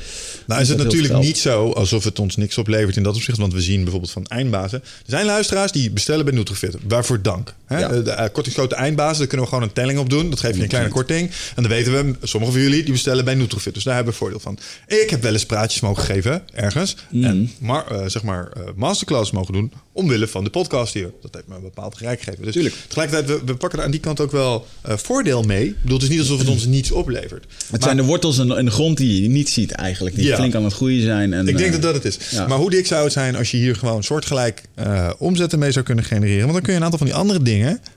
Die, die kun je gewoon Ja. anders gaan inrichten of afstoten, zodat je hier voltijd mee bezig gaat. En dan kan je, kan je nog meer kwaliteit leveren. Ja, of gewoon een cameraman die ons volgt. Of, eh, Ja? joh, dat is allemaal, ja, uiteindelijk willen we gewoon helemaal een dik contentbedrijf Ja, of zijn. wat dacht je van, eh, we hebben het al vaker over gehad hier. We luisteren graag eh, naar de Joe Rogan. En een van de standaard dingen als je naar de Joe Rogan is, Jamie, pull that shit up. Iedereen weet, daar zit een gast, Jamie, die is inmiddels ook een soort bekendheid geworden. Ja. En die doet niet anders dan de knoppen bedienen. En een scherm bedienen waar ze soms dingen op zoeken voor Google. En dan kijken we weer naar een van de film over een beer die iets uit elkaar trekt of zo. Dat is redelijk standaard. Maar Pull it up, Jamie, pull it up. ja, pull it up. Maar zo iemand hier neerzetten kost ook centjes. Ja, en, dat kan je, en, en we hebben een vrijwilligersteam. Maar als we omhoog willen in de content... ehm, je, je kan ze niet vragen om twee podcasts samen te vatten in de week. Eén is al best wel veel gevraagd. Ja, het is gewoon best wel wat... eh, dus als je daar iemand voor in dienst kan nemen... Ja. Nou, en daar zit dan wel een. eh, maar kijk, en bijvoorbeeld ook eh, de grotere bedrijven. Bos- daar hebben we het over gehad met die meneer Rutger Koopmans. Gaat ook nog komen. ING-directeur die onder, onder vuur lag over zijn salaris en dingen. Ja. Als je nou brand damaging wil doen als bedrijf zijnde... en je zet van oké, we gaan die directeur niet voor een RTL Late Night zetten... eh, waar hij 10 minuten de tijd krijgt, maar hij mag, je zet hem hier een eindbaas... waar hij twee uur lang dat kan uitleggen... Ja, dan vind ik dat super interessant. En dat Ja. doet, doet, doet niks af van een soort gast. En als ik dan kijk hoe wij op maandagochtend tekeer gaan over de, ehm, de, de lijst met potentiële gasten en discussies die erover, dan denk ik dat we de lijn heel, heel dik bewaken over wat er wel en niet in de studio mag. komen. Ja, nee, zeker waar. En ik denk dat we daar ook gewoon... eh, daar zal het... Daar zal het, eh, het eh, zeg maar, daar zal je getest worden op je integriteit, zeg maar. Wat er op die lijst komt te staan. Heeft toch met, ja, dat heeft dan toch nog weer met geld te Ja, met centjes, ja. Ja. En ik denk dat dat een interessante uitdaging is om daar dan te zorgen van ja, het is wel geinig, maar hier sta ik zo, dit staat zo ver van me af. Ik sta hier echt niet achter. Nee. Dit, dit wil ik echt. Ik probeer een product te verzinnen. Ik kom er steeds niet op waar, waar ik echt van zeg, nou, flikker maar op, dat gaan we echt niet doen. Gaan we niet promoten. Ja, ik heb dat nu al een paar keer gehad. Dat ik dacht, dan kwam er een aanvraag binnen. En dacht ik, als deze nou 2500 euro zou betalen of 5000 euro, zou je het dan ook doen? En dacht, nee, dat, dat kan gewoon niet. Weet je, dat is het gewoon niet. Nee. Maar ehm, joh, er zijn zoveel bedrijven die. En ik denk dat er heel veel bedrijven. Eh, die, er zijn heel veel ondernemersverhalen, fantastische bedrijven. eh, dat als je een keertje ehm, een nieuwe soort marketing wil proberen, die heel transparant is en authentiek, ja, Ja. Dan, dan is dit wel een nieuwe manier van. Ja, alleen waar ik, waar, ik, waar ik dus echt weg wil blijven daarin, maar dat, daar zijn we natuurlijk ook zelf bij, is de infomercial. Snap je? Er is, er is één Joe Rogan die dan direct in mijn hoofd springt. En dat is die ene met eh, Mel Gibson. Dat is een fucking anderhalf durende infomercial over stemcelkliniek in, in Peru, geloof ik. En die dokter die zit er ook bij. En het heeft de je? vader van Mel Gibson, eh, die was 90, bijna op sterven. Of 95 of zo, die man is nu bijna 100. Eh, en die is in, die, in die kliniek hebben ze hem in leven gehouden. En Mel Gibson wou dat, dat woord soort van verspreiden. Maar als je naar die podcast luistert, begrijp je de hele tijd het gevoel dat dit een fucking infomercial is. Ja, ja, ja, En ik weet niet of hij de centjes voor heeft gehad. Misschien is het gewoon als Mel Gibson bij aanklopt van... hey, mag ik eh, in je podcast komen vertellen? Dan zeg je ook als Joe Rogan... ja, dat lijkt me een hartstikke goed idee. Ja. Ehm, maar, die vibe, daar dacht ik van... dat wil ik niet. Ja, eh, laatst had Marieke aan de Oprah Winfrey eh, podcast te luisteren. Waar eh, gewoon een infomercial van 30 seconden over een of andere zeep. Organic zeep. Ja, maar dat vind ik wel anders. En daar werd niet door Oprah over gepraat of gepromoot. Van I'm using this uh, like soap for everyone. Ja, weet je. wee. Maar gewoon 30, 30 seconden lang echt zo'n tv-reclametje. Ehm, Tim Ferriss die kletst gewoon over zijn producten. Eh, we zijn er nu zelf ook mee aan het experimenteren aan de voorkant van onze, onze podcast. Ja, en, en, daar, eh, daarvan weet ik dat dat werkt, namelijk. Want eh, gek genoeg, ik luister nog steeds eh, de, de commercials, bijvoorbeeld ook van eh, de Joe Rogan Experience. Als ik op iTunes aanzet, daar heeft hij alleen zijn reclames. Ook bij Sam Harris luister ik reclames. Ehm, werkt wel op een of andere manier. Want toch, er zit iets in een podcast, zet je aan en dan ga je een soort Ja, van... als het ook- soort van maar ja. rijden. ja, en dat heeft mij nooit gestoord. Sterker nog, ik vond het wel leuk om te horen. Bijvoorbeeld de Alpha Brain commercials. Ja, dude, wij zouden hier niet zitten Nee, als we die, die pitch tenminste 50 keer gehoord hadden, zeg maar. Ja, zeker. Ja, de wet van herhaling. Absoluut. Ja. Voor de mensen die het niet weten, Alpha Brain is het product eh, wat we verreweg het meest verkopen. Ja. Nutrofit. Dat is ook nog wel een hele toffe. Het staat nog een beetje in de kinderschoenen. Maar ik ben in, eh, eh, januari naar de jungle geweest. Mhm. En eh fuck, daar moeten we eigenlijk weer een andere podcast over opnemen, want het komt tijd tekort. Eh, De, de Cliff Notes. Cliff Notes, hè? Wat is De dat? Cliff Notes, Cliff Notes eh, dat zijn de samenvattingen. Ah, Als jij de Cliff Notes van een boek leest, dan krijg jij de twee pagina tellende samenvatting. Ja, nee, ja, het ging, ging over een... ehm, eh, ik ben daarheen geweest omdat ik ingewijd ben in de stam eh, bij Isha. Eh, Het was weer een heerlijk proces. Heb je het leuk gehad? Ja, dat was, aanpe- aanpoten in ieder geval. En ja, echt ehm, vier dagen moest je een, een baptism dieet doen. Ook weer geen zout, geen suiker. En ik voelde me meteen weer zoals ik anderhalf jaar geleden daar de jungle uitliep. Schraal. Die dag. En oh, mijn lichaam, jongen, wilde het helemaal niet. En ik had in mijn hoofd al wel ergens bedacht dat ik wel ergens binnenkort een dieet kon doen, maar echt niet, weet je. Eh, super intens. Een dag lang eh, weet je, op een of ander veld gezet eh, met allemaal indianen eh, dansen en de- geluiden. Je werd gewoon afgepeigerd. Om daarna 24 uur in je handmat te liggen, waar ze twee dagen van hebben gemaakt. Nou, probeer maar eens 48 uur stil te liggen. En dan kom je jezelf wel tegen. Mocht je wel plassen? Je mocht wel plassen, maar dan mocht je niet naar de bomen kijken, mocht niet naar andere mensen. Dus je moest je hoofd bedekken, want anders kon het allemaal eh, in je komen. Al dat slechte. En eh, eh, ja, joh, en dan sta je 's ochtends uit die hangmat en denk je, oh, het is over. En dan, dan hoor je die gasten, ja, het is nog niet klaar. Nog 24 uur. Waarom? ja, er zit, ja, hun bepalen wanneer dat dat moet. En heel de avond na dat afpeigeren, er zijn dus ook de kleine meisjes die aan je hangmat staan te zingen. En dan, eh, die komen dan... Heb ik dat niet laten horen toen met... eh, Volgens mij wel. Volgens mij je Ja. het al kort over. Je- Ik heb het in ieder geval laten ja, horen met aan eh, mij. Helena ja. toen. eh, Ja. eh, klopt, ja. Dus dat, eh, dat was dan super intens. Dat die kleine meisjes je, je wakker houden, schuddend aan je hangmat. Dus je slaapt ook niet. En, en je moet recht blijven liggen in je hangmat. Dat lijkt me echt gruwelijk En irritant. je mag niet eten en oh, weet je. Dus je komt jezelf gewoon gruwelijk tegen. En je moet twee dagen recht blijven liggen. Want anders, als je krom gaat liggen, dan uh, je bent jezelf aan het resetten voor de rest van je leven. En als je jezelf, als je krom gaat liggen, dan zal je krom gaan door het leven, de rest van je leven. En uh, uh, ik had daar ook natuurlijk heel veel ayahuasca sessies gehad. Uh, ook en was je high terwijl je in deze hangmat lag? Nee, nee okay. dat was zonder... Dat, en zonder daar, daar, had ik ook ervaren dat ik weer... Dat was weer zo'n moment dat ik dacht... Wij weten echt helemaal niks over als het gaat om in, alleen zijn met de natuur. En mm. die gasten staan gewoon heel de avond te chanten om dat vuur heen. En die dames staan te zingen. Uh, op een gegeven moment, joh, je begon gewoon dingen te zien zonder dat je überhaupt het op had. He, een beetje de, de, de ge geometrische patronen en dingen. Dat is wat slapen helemaal... en uitputting met je doen. Ja, dat, dat zal dan ook wel weer zo zijn. Maar goed, dat is wel wat ik daar zag en wat ik daar mee maakte. En je, je voelt ook wel dat er gewoon er hangt een aparte, bijzondere vibe, zeg maar. Mm -hmm. en, en, zij nemen het heel serieus. Er waren 130 Indianen uitgetrokken naar het dorp. En dat was voor hen echt een... Uh, was ook de eerste keer dat ze dit deden. Waarbij ze hun eigen mensen uh, echt mengden met een aantal toeristen wat er was. Okay. Dus voor hen was dit echt de officiële dingen. En uh, ja, dat is heel erg bijzonder. Mm -hmm. En nu ben je dus lid van de stam? Nu ben ik lid van de stam. Contributie elke maand? Ja, contributie, donaties. En, nou ja, ik had er een donatie van 20.000 euro heen gebracht. Met, uh, niet in mijn eentje, maar met een hele hoop mensen. Om daar ook die zonnepanelen neer te zetten. Dus dat mm -hmm. is ook cool. Uh, ik weet nog ook dat als het gaat over, over roadmap lijstjes, dan stond daar Amazon uh, kopen. Drie jaar geleden of vijf jaar geleden. Vier jaar geleden. Uh, maar um, dat is uiteindelijk toch op een andere manier is dat gewoon dit geworden. geld brengen om sociale ja. projecten neer te zetten. En, dat is oké. Okay. Het, het, is nog steeds een goed doel daar. Het is nog steeds ja. een charitable mission. En maak je 140 mensen blij mee. Maar die, die maken mij ook heel erg blij. En die hebben ook heel veel gegeven. Hij heeft Netflix naar de jungle gebracht. Ja. en uh, vervolgens hadden we dan... Daarna mocht je dan Cambo doen met die kikker. En dan straight out of the frog, man. Dus gewoon ja. uh, die kikker... Uh, en die laten gewoon heel makkelijk pakken en zo. En dan een groene kikker, dan doe je een stokje op de pootjes. En dan, branden ze gewoon echt met zo'n... Ze branden ook echt met een, een, een lont waar je je vuurwerk mee aansteekt. Ja. Daar branden ze gewoon een gat mee in mijn arm. Ik heb hem hier nog zitten. Je ziet hem nog. Gewoon. En ik dacht, uh, normaal had ik er dan een stuk 4, 5, 6. Of, ja. en, en, dan doen ze het van gedroogd gif. Maar dit was dus gewoon van een kikker die eigenlijk ook nog een keer gewoon gestrest is. Omdat er 20 mensen omheen staan. Aha. Je ziet extra gif aan het uit. Uh, ja, ja. ja. Dus steken dat erin en uh, daar, ligt, daar ligt je mat. En de mat was eigenlijk twee, twee van hele grote bananenbladeren hadden ze voor mensen neergelegd. Lagen er gewoon tien op een rij zo. Savages. Dus, uh, met, met, een, met een stok langs dat je daar vast kon houden. dus iedereen gewoon uh, helemaal overdag. Dat was heftig, jongen. En zeker als je al dan al zo moe was. Ja. ik had daar niet daarna dat ik mezelf helemaal herboren voelde. Want ik was gewoon helemaal kapot. Wat deed het met je, die combo?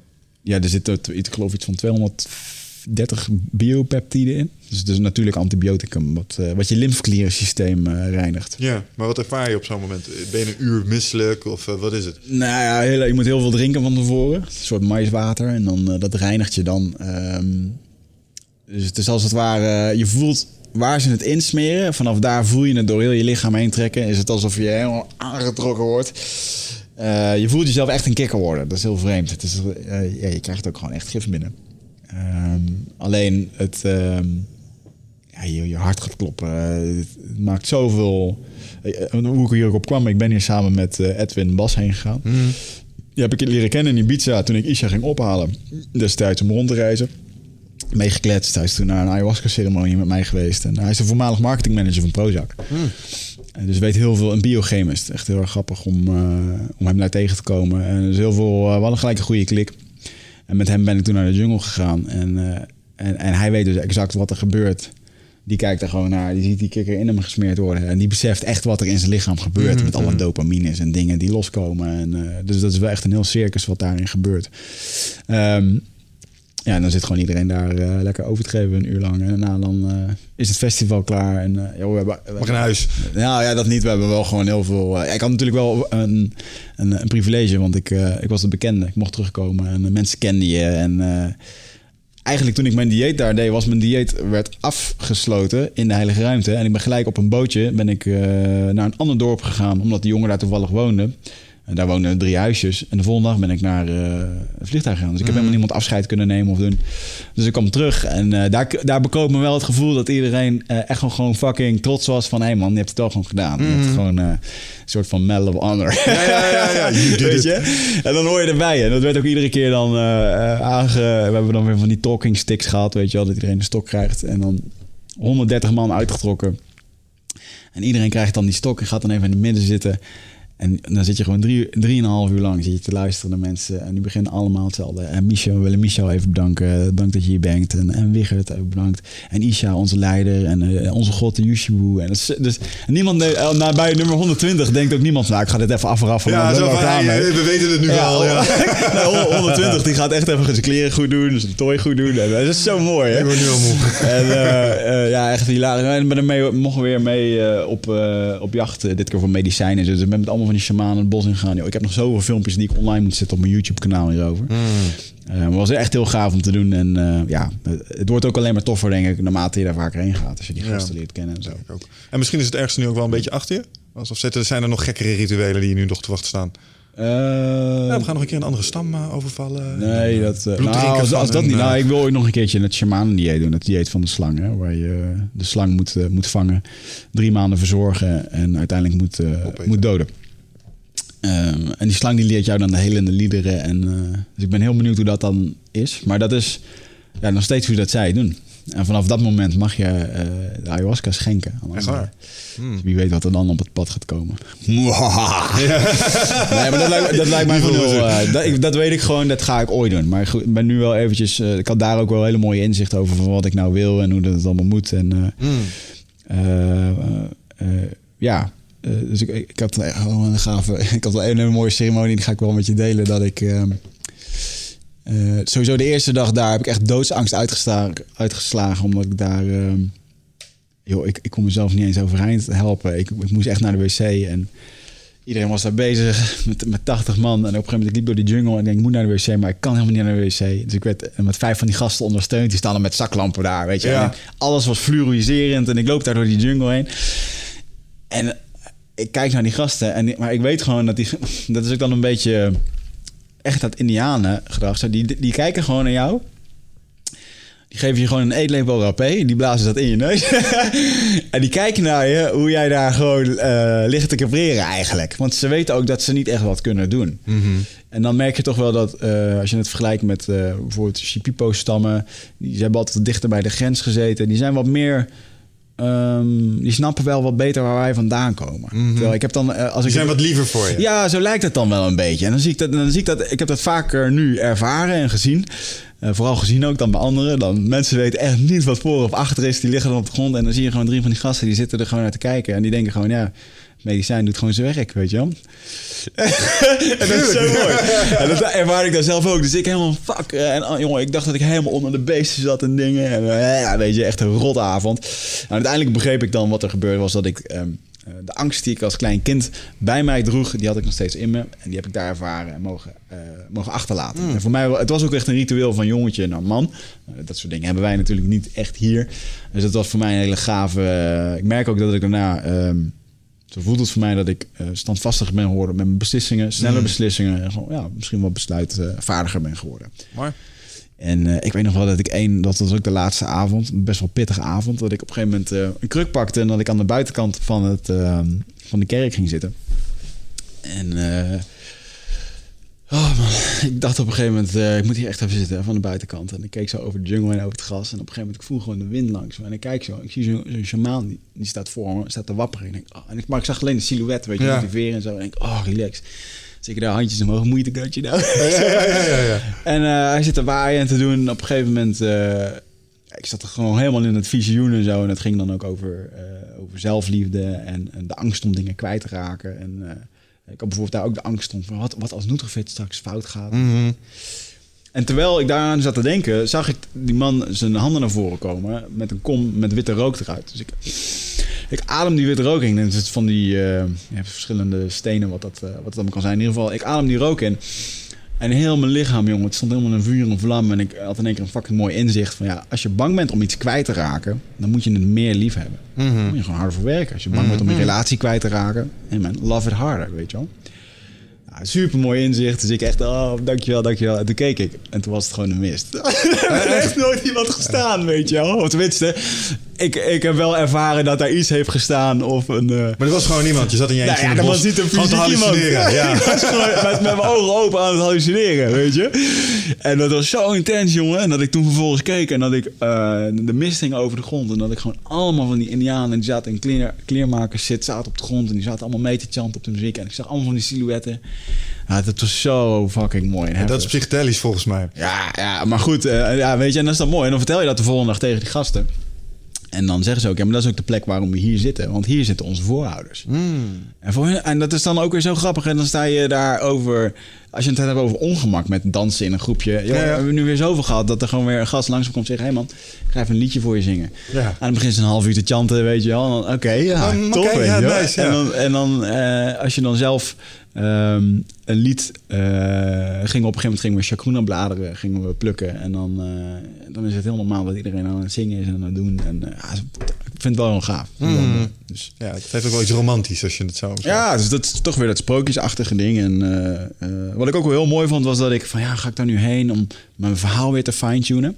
Helemaal niks. Nee. Ook gewoon, dat, dat, dat staat helemaal los daarvan. Dus ik ben daar niet heen gegaan met nog meer ideeën en dingen. Dit is nu echt gewoon, ik weet wat ik moet doen. En dit Gewoon is even wiggen tijd. Ja, Ja. Dus eh, ja, good times. Maar in ieder geval, terugkomend op waar, hoe we hier komen. Ja. Eh, met Edwin zijn we wat verder in gesprek geweest. En eh, we hopen hem bij, of we gaan hem bij Nutrifit betrekken om zelf onze eigen Nootropica te Ja, maken. want we hebben natuurlijk in de, toen we naar de Schelling gaan, hebben we het daar ook over gehad. Microdose product, iets met een nootropica. En nou ja, toen jij vertelde over hem en zeg maar op welk niveau hij kennis bezit over dit soort dingen. We hebben hem natuurlijk nu gesproken met z'n tweeën. We hadden echt wel zoiets van, ja man, Ja. deze dude is een soort modern day wizard. Hij snapt dit. Ja. En hij weet ook waar we voor staan en hij snapt waar we naartoe willen met eh, wat we proberen te ontwikkelen. Dat Ja. is echt match made in heaven. Ja, en, en ook weer het stukje ondernemerschap van... oké jongens, gaan jullie, gaan jullie nou zelf echt al die recepten uitlopen vogelen... met internationale consultants en doen en moeilijk. En eh, dat is gewoon wel fijn om er dan gewoon eh, zo iemand bij te betrekken. Dus ik hoop, Nou. ik hoop toch wel dat we eh, met Nutrofit ook een heel vet nootropic slaggeschip, slag, sla- vlaggenschip product kunnen gaan creëren. Ja, ja zin in nog steeds. Maar ik merk eh, dat van alle dingen die we doen, ik krijg nog steeds echt super veel energie van. Misschien zit hem dat ook wel in de afwisseling van activiteiten. Dat is voor mij in ieder geval erg belangrijk. Maar eh, ja, ja, ja, zeker wel. Ja. ja, heb je heel veel afwisseling? Heb je dat gevoel? nou, voor me- ja mijn, mijn week is divers. Ja. Dan ben je aan het podcasten, dan ben je met Nutrifit bezig. Dan sta je een masterclass te geven, dan mag je een lezing doen. Dit weekend zitten we met eh 12 waves, 24 uur in een bos voor de Vision Quest. Ja, je hebt gewoon 40 man bij elkaar. Ja, dat is vet man. Ik heb zin in. Ja. Ook een beetje ayahuasca schenken daar. Kopje thee jongens. Als ze eruit komen, weet je wel. Denken ze dat ze alles gehad hebben. Dit was, dit was, de, Allemaal terug in de auto, zo van... hmm. dit was de introductie, jongens. Ja. We gaan afronden, denk ik. Hè? We hebben, Ik moet eh, eten, man. En we gaan even eten. En eh, zometeen hebben we nog iemand. Alright. Het was weer een leuke. Moeten we vaker doen dit. Zullen we gewoon om de tien afleveringen een één op één doen? Ja, Is dat de afspraak? mooi. Alright, Let's go. Alright guys. Alright jongens, tot de you volgende keer. Joep, ciao.